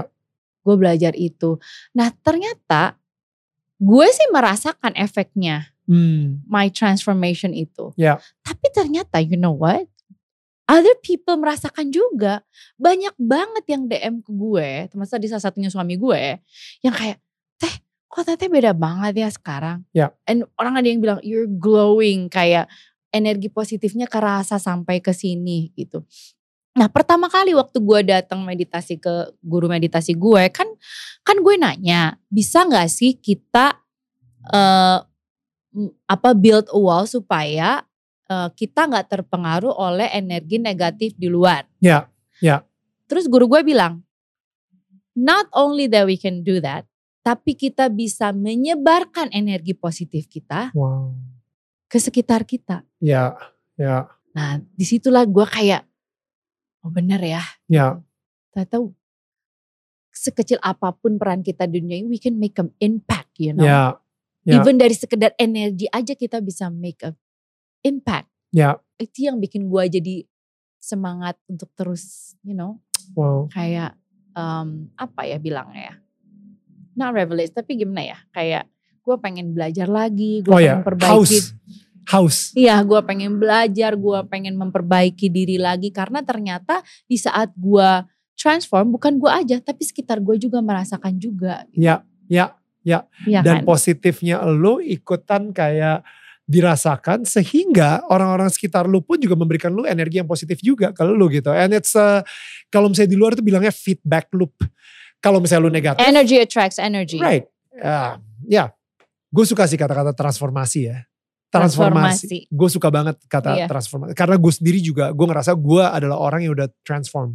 Oke, karena um, orang yang ngelihat gue 10 tahun yang lalu di zaman MTV atau awal-awal idol dengan rambut gue yang uh, sama gue yang sekarang itu beda banget. Like 180 derajat beda gitu kan. And I'm pretty sure lu sendiri juga uh, ngerasain hal tersebut gitu. Jadi ketika lu sudah bertransformasi, lu udah dekat dengan Tuhan, tahun 2020 mungkin bisa dibilang salah satu tahun terberat karena lu harus kehilangan ayah. Ya. Let's talk about that. That's also another God's plan yang gue nggak nyangka juga. Jadi Neil, di saat bokap gue meninggal, gue nggak di sini. Gue lagi di LA. Gue lagi ada kerjaan. That's tough. That's tough, but however, Tuhan tahu banget. Kalau gue di rumah, gue anak paling besar. I would not be able to have the time to grieve, to let go of him in peace, karena gue pasti sibuk. Karena energinya di rumah pasti sedih terus. Orang dateng gue akan nangis lagi, right? Oh iya. Lu uh, high Pasti sensitive gua- person. Iya, Ya. dan gue pasti energi gue pasti drowning banget gitu loh. Ya. Gue lagi di LA, I called my mom to make sure karena suami gue yang ngasih tahu. Hmm. Gue telepon nyokap gue, terus nyokap gue bilang, yeah, it's another thing about my mom, she's a tough woman. Dia bilang, papa udah nggak ada, kamu doain aja, kamu nggak usah pulang, kamu selesaikan apa pun yang harus kamu kerjakan di sana. Karena emang gak akan ngejar juga ya. Kalau secara Islam kita harus disegera dimakamkan. Hmm. Eh, gua waktu itu juga gimana mau mau histeris kayak Ya. Right? Alhamdulillah Tuhan sudah rencanakan gue I was not alone there. Lu percaya nggak? Sahabat gua SMA kebetulan dia di sana juga lagi pameran. Dia seniman. Dia lagi pameran di Beverly Hills, eh di Hollywood. So she was there. Sahabat gue dari SMA. She was there. Jadi kita kayak, oh my God. Kita selalu ya momen-momen kebersamaan ini Tuhan hadirkan kita gitu selalu. Wow. So she was there. Jadi teman-teman gue di sana kayak, udah yudir kita ke, let's go to the beach. Gue duduk di pinggir pantai, the sunset was beautiful. Di situ gue bisa ngelepasin bokap gue dalam keadaan tenang. Kalau gue di Indonesia nggak mungkin kayak gitu Nil. Gue nggak mungkin punya kesempatan kayak gitu. Pasti lu udah tahu lah, gue udah pasti ah gitu kan. Tapi di sana gue bisa tenang. Gue lihat langit, gue bilang gitu, Pah, teteh ikhlas. Teteh ikhlas, cuman teteh harap aja eh papa udah bangga deh sama teteh gitu. Satu-satunya gitu, gue cuman pengen bokap gue kayak gitu. Walaupun ada cita-cita gue yang belum kesampaian untuk ngebahagiain bokap gue, but I just needed to know that. Nah malamnya nyokap gue WhatsApp gue. Nyokap gue bilang, papa tuh udah bangga sekali sama kamu. Eh, waktu itu dia ada acara GPL itu gabungan pecinta lagu yang sama Iwan Abdurrahman yang umpat itu di Bandung. Eh, eh, Kang apa Om Iwan manggil gitu. Itu coba Rudi berdiri itu papanya Dira Sugandi. Semua orang pada tepuk tangan. Terus nyokap gue bilang papa udah bangga dan kamu sudah menaikkan derajat keluarga kamu gitu dengan So I was like, okay. Nah dari situ Nil, dari situ karena gue punya waktu yang tenang untuk berkontemplasi, ya, di situ gue mulai mikir, oke, ini semua kehendak Allah. Gitu. Hmm. Eh, mungkin buat manusia, buat gue, it's a big pain. Ya. Tapi gue yakin banget tidak ada yang salah dalam rencana Tuhan. Gitu.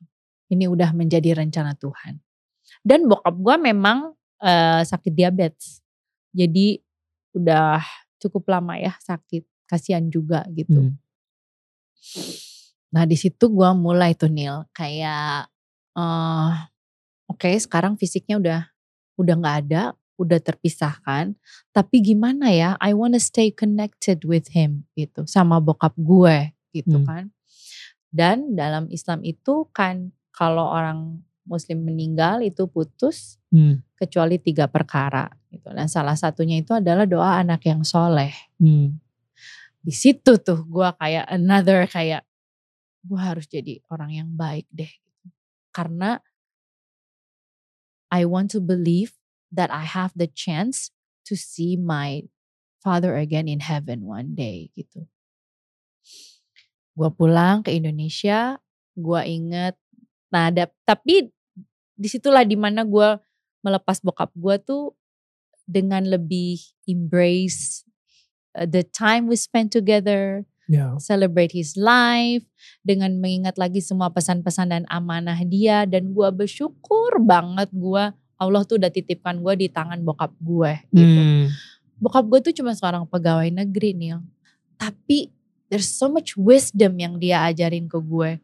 Kayak bokap gue tuh selalu kamu baca teh, kamu baca, kamu harus hobi baca apa pun, mau koran, mau majalah, karena baca itu adalah itu gudang ilmu itu jendela kamu ke dunia kamu baca katanya gitu hmm. terus bokap gue se apa dalam keterbatasan dia dia tuh selalu memberi sama orang jadi waktu bokap gue meninggal itu gue dikirimin video yang datang banyak banget ya karangan bunga juga banyak banget terus orang-orang yang datang nangis bahwa dulu tuh bapak saya ditolong sama Pak Rudi gitu jadi so I was really grateful gitu. Gue bersyukur sama. Jadi gue bukan melihat dari sisi kehilangannya, hmm. tapi gue lebih bersyukurnya gitu. Hmm. Bahwa Allah sudah menitipkan gue sama bokap gue. Bahwa I get to spend some time with him gitu. I celebrate his life.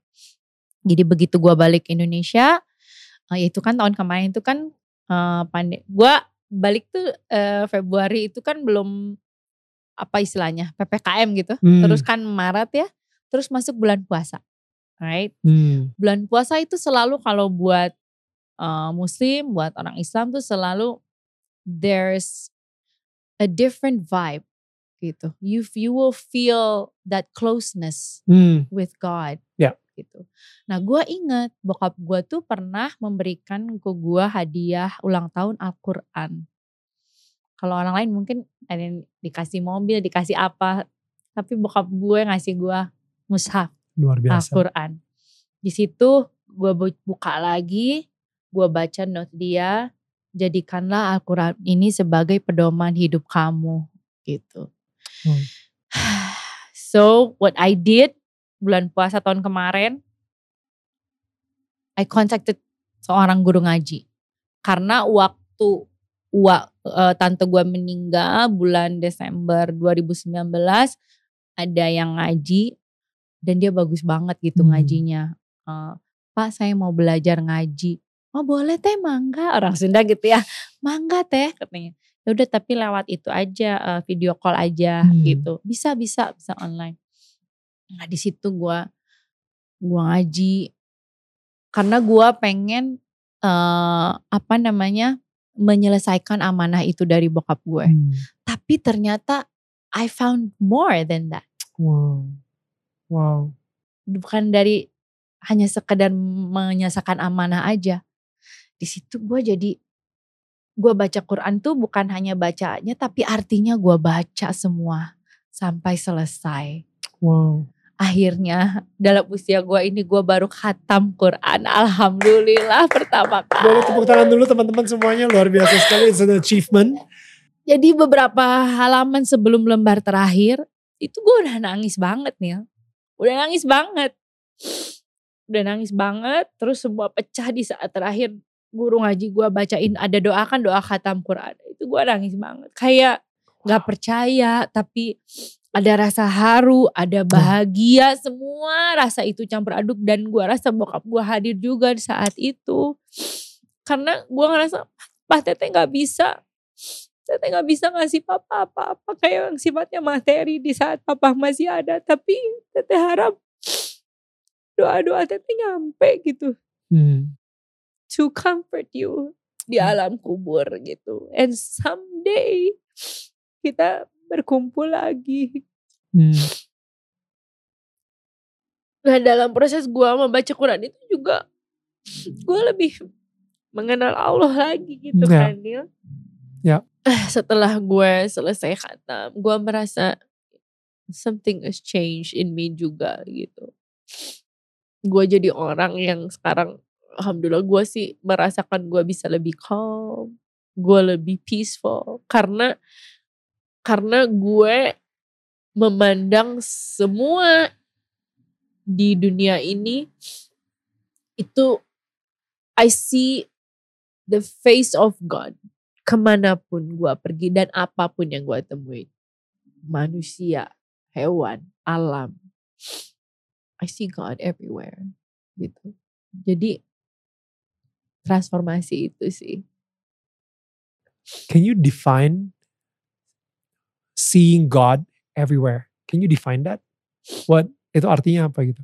ketika misalkan anak gue deh Oke. Ya, paling deket Ya, sama paling kita dekat dan ya. anak gue anak gue itu ya anak-anak lah ya mereka tuh nggak punya dendam kan Nil right mereka kayak pure, pure soul. pure gitu terus mereka forgive you know right setiap gue ngelihat kebaikan ya Tuhan kan seperti itu Hmm. Right? kayak semua sifat-sifat yang mulia itu sifat Tuhan gitu loh Hmm. Dan sebenarnya kita semua diciptakan itu kita adalah khalifah di muka bumi ini. What is that? Khalifah di muka bumi itu artinya Jadi apa? kita tuh sebenarnya we should represent sifat-sifat Tuhan gitu. Hmm. Maha apa? memberi, Hmm. right?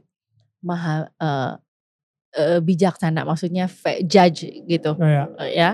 Terus eh, Maha pemaaf, pemaaf, maha pengasih, maha mengasih, penyayang. dan Ya, so on. Itu loh maksudnya. all the character karakternya The Allah good, gitu. iya kayak gitu. Jadi di saat gua melihat gitu, and then I see you, right?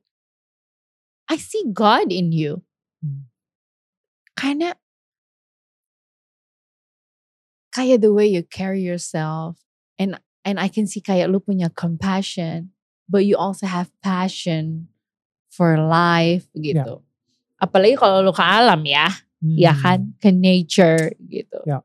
Itu kayak you ngerti kan? Karena gue pernah lihat postingan lu juga yang lu bilang itu di saat lu di alam lu merasa kebesaran Tuhan. kebesaran Tuhan. Even sekarang yang lebih beda lagi, in my way of singing Hmm. berubah banget Nil. Gue dengerin rekaman-rekaman gue, video-video gue nyanyi dulu, ngotot banget. Tapi sekarang ketika gue dengerin lagi rekaman nyanyi gue, gue bisa nangis. Gue bisa nangis kayak, ya Allah gitu ya. Kok ini su- suara dari mana? Cause it's not me. Right? Hmm. Gue gak bisa ciptain suara kayak gini Nil. Hmm. Nah even dari situ aja. Ya. Dari dengerin rekaman gue sendiri, dari dengerin suara gue sendiri, gue merasakan kehadirannya. Kebesarannya gitu loh. Ini ini ini maksudnya kayak lagu-lagu lu yang baru nih ya. Maksudnya uh, Ya. rekaman yang sekarang gitu Ya, yang belum kalau dulu kan ngotot gitu kan. Iya, kalau misalnya iya. sekarang ini Kalau dulu sih it's me gitu kan. boom. I like that. Betul. Kalau Right? dulu itu kayaknya lu perform ngotot karena lu pengen mengambil attention, mengambil kesan. Iya. You wanna take that Iya. gitu. Cuman sekarang ini mungkin lu nyanyi Gue lebih kayak use me. Ya. Right? to to to to give, To give.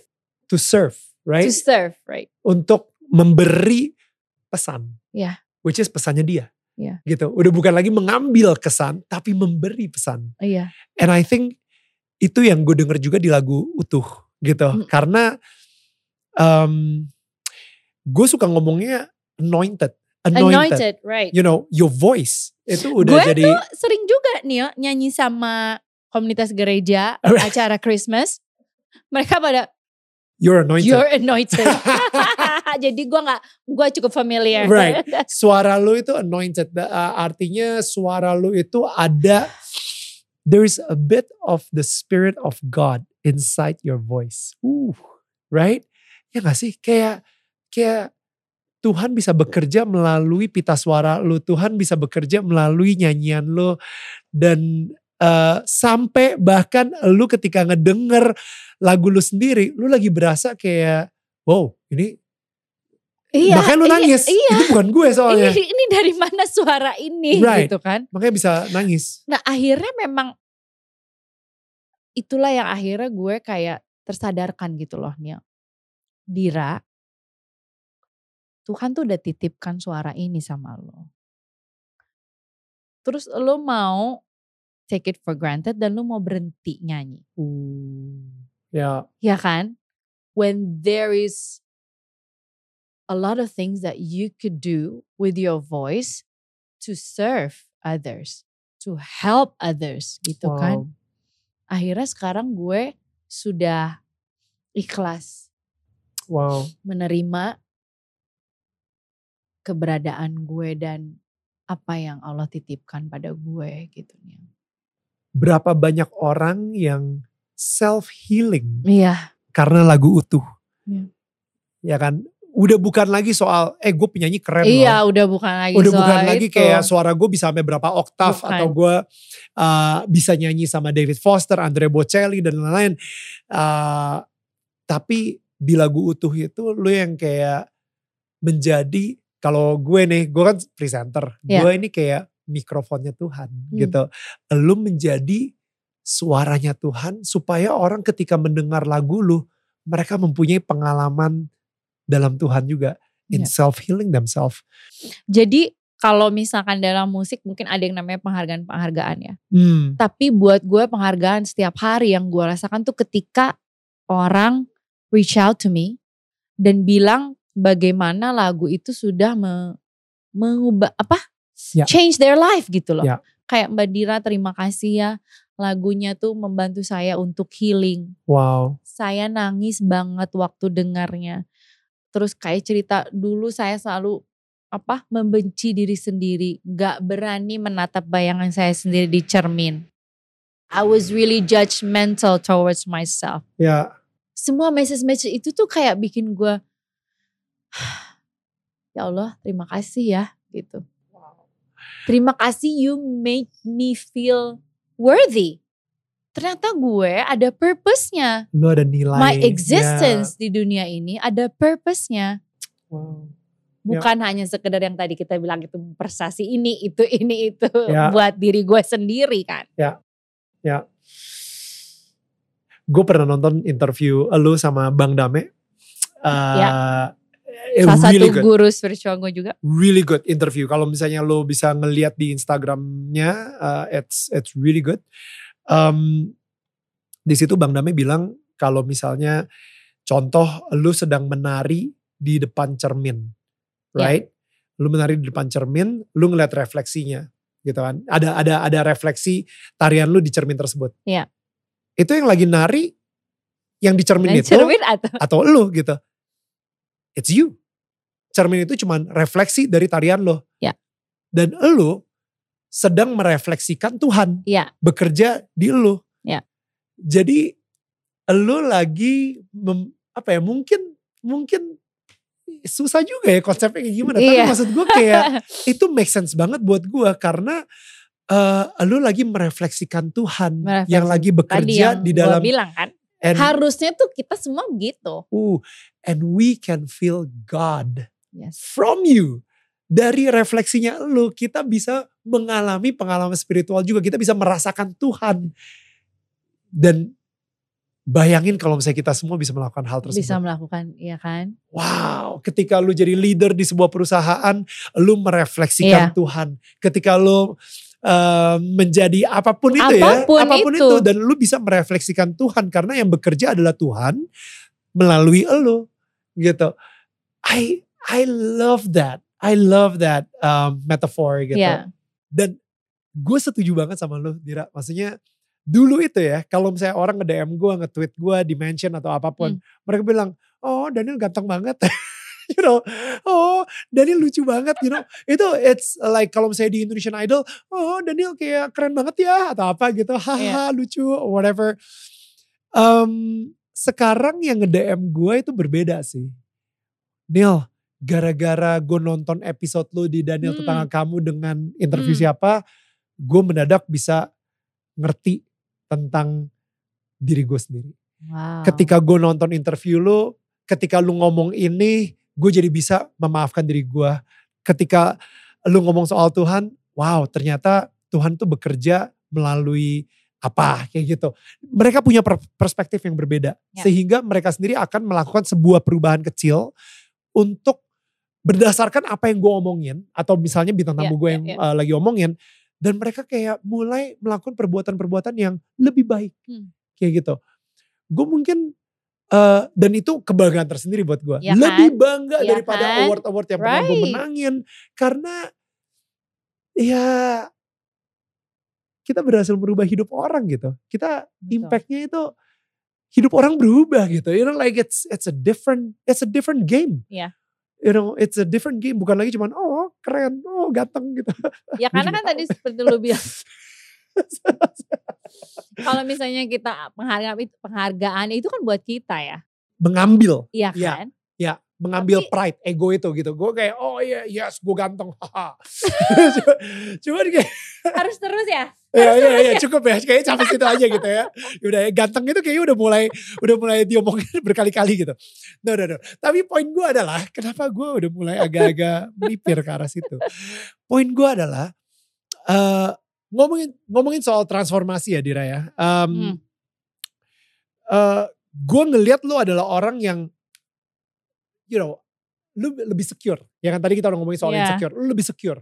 Lu lebih Alhamdulillah. damai. Lu lebih karena kedamaian lu lu jadi lebih bersinar gitu right? Uh, tadi ada yang bilang juga kalau misalnya lu kayaknya lebih cerah gitu kan. Nah eh gue sebenarnya dan ini relate banget sama yang ketika lu ngomongin soal meditasi. Em, di gua gue ngerasa meditasi buat gue adalah ketika yang tadi gue mendengarkan Tuhan. Gue berdoa, gue ngobrol, gue berdialog, gue mempunyai conversation tersebut dengan Tuhan. Um, di situlah gue bermeditasi dan di situ gue akan merasakan kedamaian dan uh, rasa kasih dari Tuhan yang luar biasa gitu. Now, apa lawan katanya meditasi? Menurut gue adalah khawatir, worry. Dan gue sadar ketika gue worry itu artinya gue sedang tidak menaruh Tuhan di tengah hidup gue sehingga gue khawatir. Gue sedang menaruh uang di tengah hidup gue. Gue sedang menaruh karir gue yang sifatnya sementara. Hmm. Ketika gue khawatir itu artinya gue sedang tidak menaruh Tuhan di tengah hidup gue. Gue malah menaruh hal-hal yang sifatnya sementara banget kayak uang. Aduh gimana ya kalau misalnya nanti uang gue belep gitu kan gue khawatir. Gimana kalau misalnya gue udah gak terkenal lagi, ketenaran sifatnya sementara. Itu berarti gue khawatir. Yang gue lakuin adalah wait, wait, wait. Gue harus balik lagi meditasi untuk bisa menaruh Tuhan kembali di tengah hidup gue. Tenangin diri. Control my breathing. You know, like bener-bener gue ketika kita mulai panik, hal pertama yang kita sadarin tanda-tandanya adalah dari nafas kita. Nafas kita tiba-tiba berubah, eretik Right. gitu, right? Wow, wow. Gue Ya. bernafas dengan dengan dengan tenang lagi dan gue mulai membayangkan uh, gue nyari akar dari dari diri gue sendiri ini apa ya? Ini ketakutan ini asalnya dari mana ya? Oh karena gue lagi takut kehilangan job. Oke. No you know what? Kita taruh lagi Tuhan di tengah. Kalau misalnya Tuhan emang pengen gue mendapatkan job ini you know it's itu rezeki dari dia. Ya you know dan di situ akhirnya gue tenang lagi. Yeah. that's why I need meditation. Lu sendiri mempunyai tanda-tanda sendiri nggak? Um, dan mungkin apa yang bisa dilakukan sama uh, teman-teman kita, tetangga-tetangga kita yang sedang menonton gitu ya, supaya mereka bisa bertransformasi juga sama seperti lu. They want what you have, right? Lumayan banyak yang nanya juga sih ke gua Oke. kayak Teteh pengen berubah tapi mulainya dari mana ya bingung Right. gitu. Oke sebenarnya meditasi sendiri itu kan sebenarnya artinya uh, to become familiar with. Nah, manusia itu kan takut, khawatir, stres. Itu hanya dikaitkan dengan dua hal nih. Masa lalu dan masa depan. Hmm. Masa lalu is meaning kayak past traumas. Hmm. Kayak lo mungkin pernah gagal terus lu dibilang sebagai failure and then Hmm. you feel like a failure. right. Ketika lu bangun tidur lu mengingat lagi peristiwa itu and then you will feel selamanya as a failure. Atau uh, hal-hal bodoh yang pernah lo lakuin Iya yang malu-maluin banget Uh, ya. uh, atau macam-macam atau mungkin eh sejarah di keluarga atau dengan orang terdekat apa pun ya. Sama the future. Hmm. Lu selalu tak ketak kita ketak kayak tadi. Lu takut nggak punya job, lu Hmm. takut nggak laku lagi, Hmm. lu takut lu nggak dapet jodoh. Itu kan something that hasn't happened. Tapi It's the future. Ya. Nah, actually meditation helped me with being present at the Hmm. moment. Hmm. Karena lu tahu sendiri why it's called the present. Hmm. Karena the gift hadiahnya itu ada di masa ini. Wow. Present gift. Right. Jadi sebenarnya meditasi itu, right? That's why you need to stay in the present. Present. The present. Present adalah Gift. hadiah. bahasa Hadiah, juga. uh-uh. Iya. Nah sebenarnya meditasi itu mem- membantu gue itu dengan lu merasakan nafas aja. Lu kayak aduh lu bersyukur ya Tuhan meniupkan nafas ke lu hari ini. Wow. Otherwise lu udah gak ada di dunia ini. Sebenarnya Tuhan gak perlu sih menghidupkan lu hari ini. Ya gak sih? Wow. Nah being sebenarnya meditasi lebih itu. Help me stay in the present moment without having to uh, apa mengidentifikasikan diri gue dengan masa lalu gue dan worrying about the future yang belum terjadi Wow. gitu. Nah kalau misalnya orang nanya eh, gimana sih caranya? Pertama kalau misalkan kalian sudah mm, bertanya sama aku, berarti kalian tuh sebenarnya udah ada kegelisahan itu, and you should listen to it and Wow. follow it. Hmm. Karena ketika kita mengikuti suara-suara dan intuisi kita itu, dan kita sudah mutusin, Tuhan, saya ingin berubah menjadi pribadi yang lebih baik. Nanti Tuhan akan bukakan jalannya dan berikan tanda-tandanya nih. Hmm. Tapi kita memang harus mengosongkan diri dulu dan membuang dulu semua ego dan Uh. attachment semua itu ya. Uh. Untuk bisa melihat tanda-tandanya. That's hard. Itu susah banget karena kita pengen in control of everything. Right? Makanya. Oke, Tuhan, gue pengen berubah, tapi gue pengen berubahnya seperti ini. normal dong, normal dong. Kita pengen, kita pengen, even kita pengen kontrol Tuhan. Kita bilang Tuhan, gue pengen, gue pengen berubah. Gue tahu nih hidup gue ini ada yang salah. Gue gelisah soalnya. Tapi gue pengen hidup gue idealnya seperti ini nih Tuhan. Hmm, Right? Berarti harusnya ya, gue akan seperti ini, gue sekaya ini, gue seterkenal ini, gue mempunyai uh, followers segini, gue mempunyai likes segini, gue punya, right?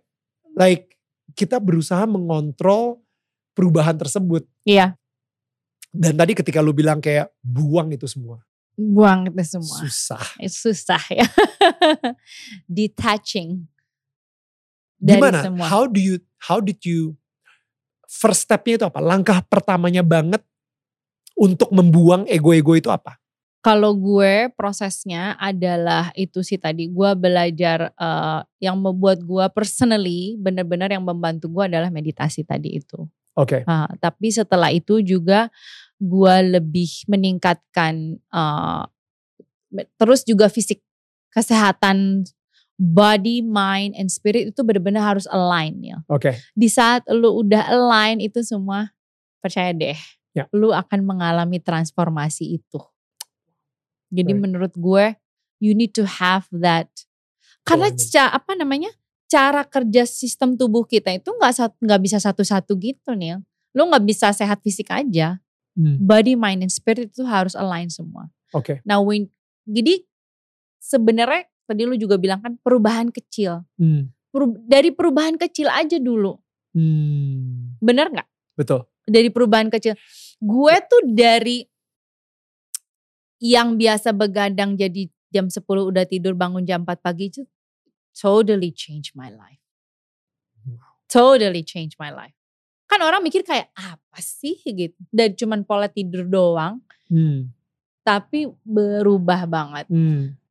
Dimulai dari step-step perubahan kecil aja sih menurut gue. Hmm. Kayak lo uh, lahirkan kayak good habits, Hmm. you know. Ya. Dimulai dari pola makan lo, pola hidup lo. Hmm. Nanti gradually ketika lo membuka hati lo, Tuhan akan bukakan terus jalannya. Trust me, percaya deh sama gue. Cause I know you've been there too. Ya. Pasti lo tahu maksud gue. Lebih gilanya lagi ketika kita bilang yes. Udah Tuhan, Iya. aku pengen berubah. Tapi kalau kalau masih ragu nggak bisa. Ya, ya. Yes, gue pengen berubah. Gue kasih semuanya. Lu terserah deh. Ini gue akhirnya menjadi sebuah vessel aja Ya. buat lo. Eh, lu pengen gue berubah seperti apa? It's your call. Ya. Bukan it's no longer my call, Hmm. right? Jadi um, ya terserah Tuhan. Aku mau jadi seperti apa? Dia mulai kirimin gue orang-orang yang yang gue Iya, nggak bener. pernah bener bener bener. pikir gue bisa Oh my god. right tiba-tiba ada satu Bener. orang right dia kirim orang-orang yang bener-bener wow kok nge-support perubahan gue Bener. gue menjadi gue menjadi orang-orang yang eh, dikelilingi oleh orang-orang yang sama-sama bisa nge-support gue dan tiba-tiba gue ada di level yang baru aja Bener gitu bener bener. ya So if I want to say thank you ya guru gue, guru meditasi gue PC ya. Terus Hmm. Bang Dame guru spiritual Hmm. gue. Terus dia yang gak kalah penting itu juga ya. Jadi gue kan dulu orangnya baperan Hmm. ya. Jadi em, terus gue tuh kan ternyata tipe orang yang sifatnya itu gue tuh suka eh, mengayomi, Hmm. nurture gitu. And when I didn't get that love back, Hmm. gue tuh bisa baper hurt banget Ya. gitu.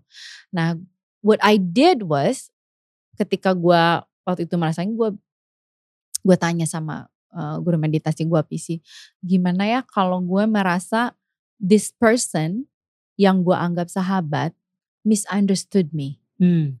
Terus dia bilang nggak apa-apa teh, kirim aja compassion sama dia Hmm. kirim compassion. Jadi salah satu yang penting juga menurut gua faktor eh, di dalam self transformation kita, we need to learn to forgive, gitu. Hmm. forgive ourselves, Hmm. forgive orang lain, and give compassion. Terus Hmm. gua latihan meditasi compassion dong, Hmm. kirimkan compassion sama dia. Udah nggak gue pikirin lagi. Balik lagi orang itu dalam hidup gue, sahabat gue. Hmm. Kita deket lagi sekarang. oh wow wow and I let go gitu surrender aja maksudnya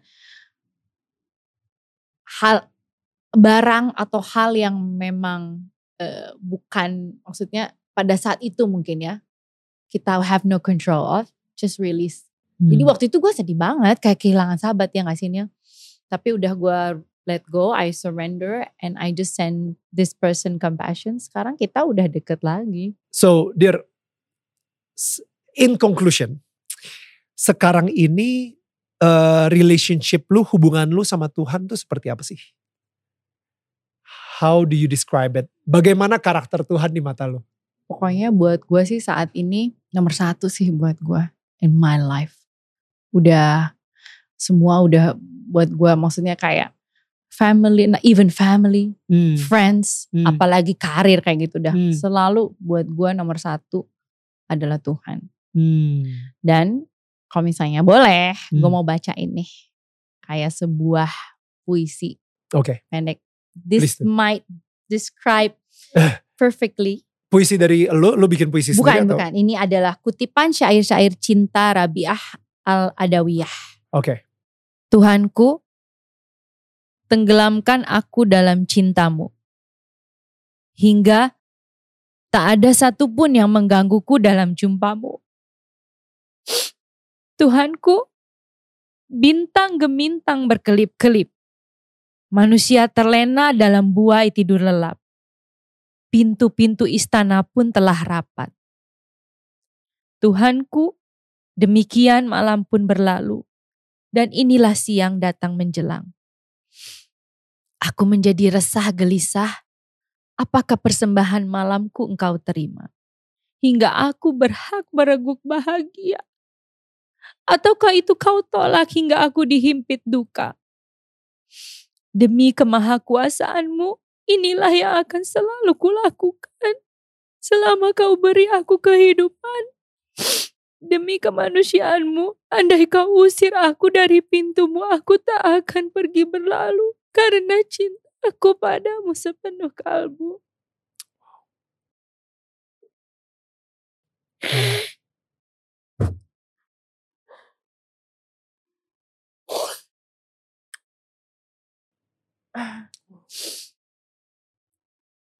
You know, ketika lu sudah merasakan kesatuan itu dengan Tuhan, Ya. you lu udah nggak punya ketakutan lagi akan kematian ya. Hmm. Karena you're going home. Ya. Hmm. Selama ini kita takut karena kita nggak tahu tujuan kita. Jadi sekarang gue udah semua udah gue lepas aja. Gue udah rilis aja. For me yang paling penting is to be able to have that. Itu aja yang penting momen kebersamaan itu sama Tuhan di mana pun gue berada in anything I do, everything I do. Ya.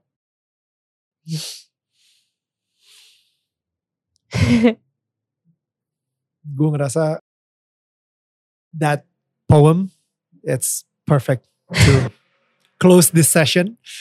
Gue sebenarnya masih pengen nanya soal suami lu, anak lu, eh, tips-tips diet. Nadira, thank you. No, Thank you. thank you, Thank thank you. Gue merasa kayak ini jujur ya Nil ya, kayak waktu lo DM gue, gue ngerasa kayak, ih kok apa ya, maksudnya kayak kok Daniel eh, mau ngajakin gue.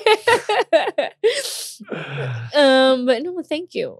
Karena gue merasa mungkin banyak temen-temen yang bisa relate dengan apa yang gue udah lewatin, gue alamin. Dan gue merasa kalau memang there is something that I can share gitu sama teman-teman, tetangga-tetangga ya. Hmm, Yang bisa menjadi sebuah motivasi atau inspirasi untuk berubah menjadi lebih baik lagi. Alhamdulillah segala Ya. puji bagi Allah. amin, amin. Gue yakin banget lu mendapatkan sesuatu banget dari pembicaraan kita sekarang ini dan kalau lu ngerasa ada tetangga atau teman atau keluarga yang kayaknya bisa mem- um, hidupnya berubah gara-gara pembicaraan kita, yo share this video with them, oke?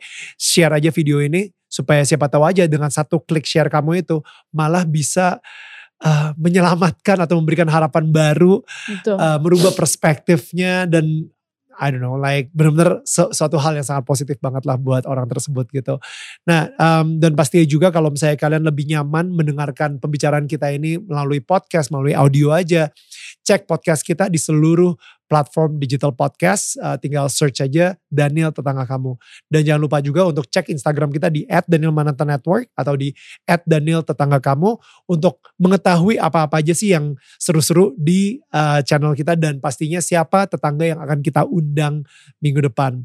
Guys, thank you so much. Terima kasih udah nonton dari awal sampai habis and thank you so much Dira Sugandi. It's Thank so you Daniel. you are amazing. You're you have such an amazing soul dan gue ngerasa gak heran sih kayak you you have to be here dan gue yakin ini bukan terakhir kalinya kita ngobrol.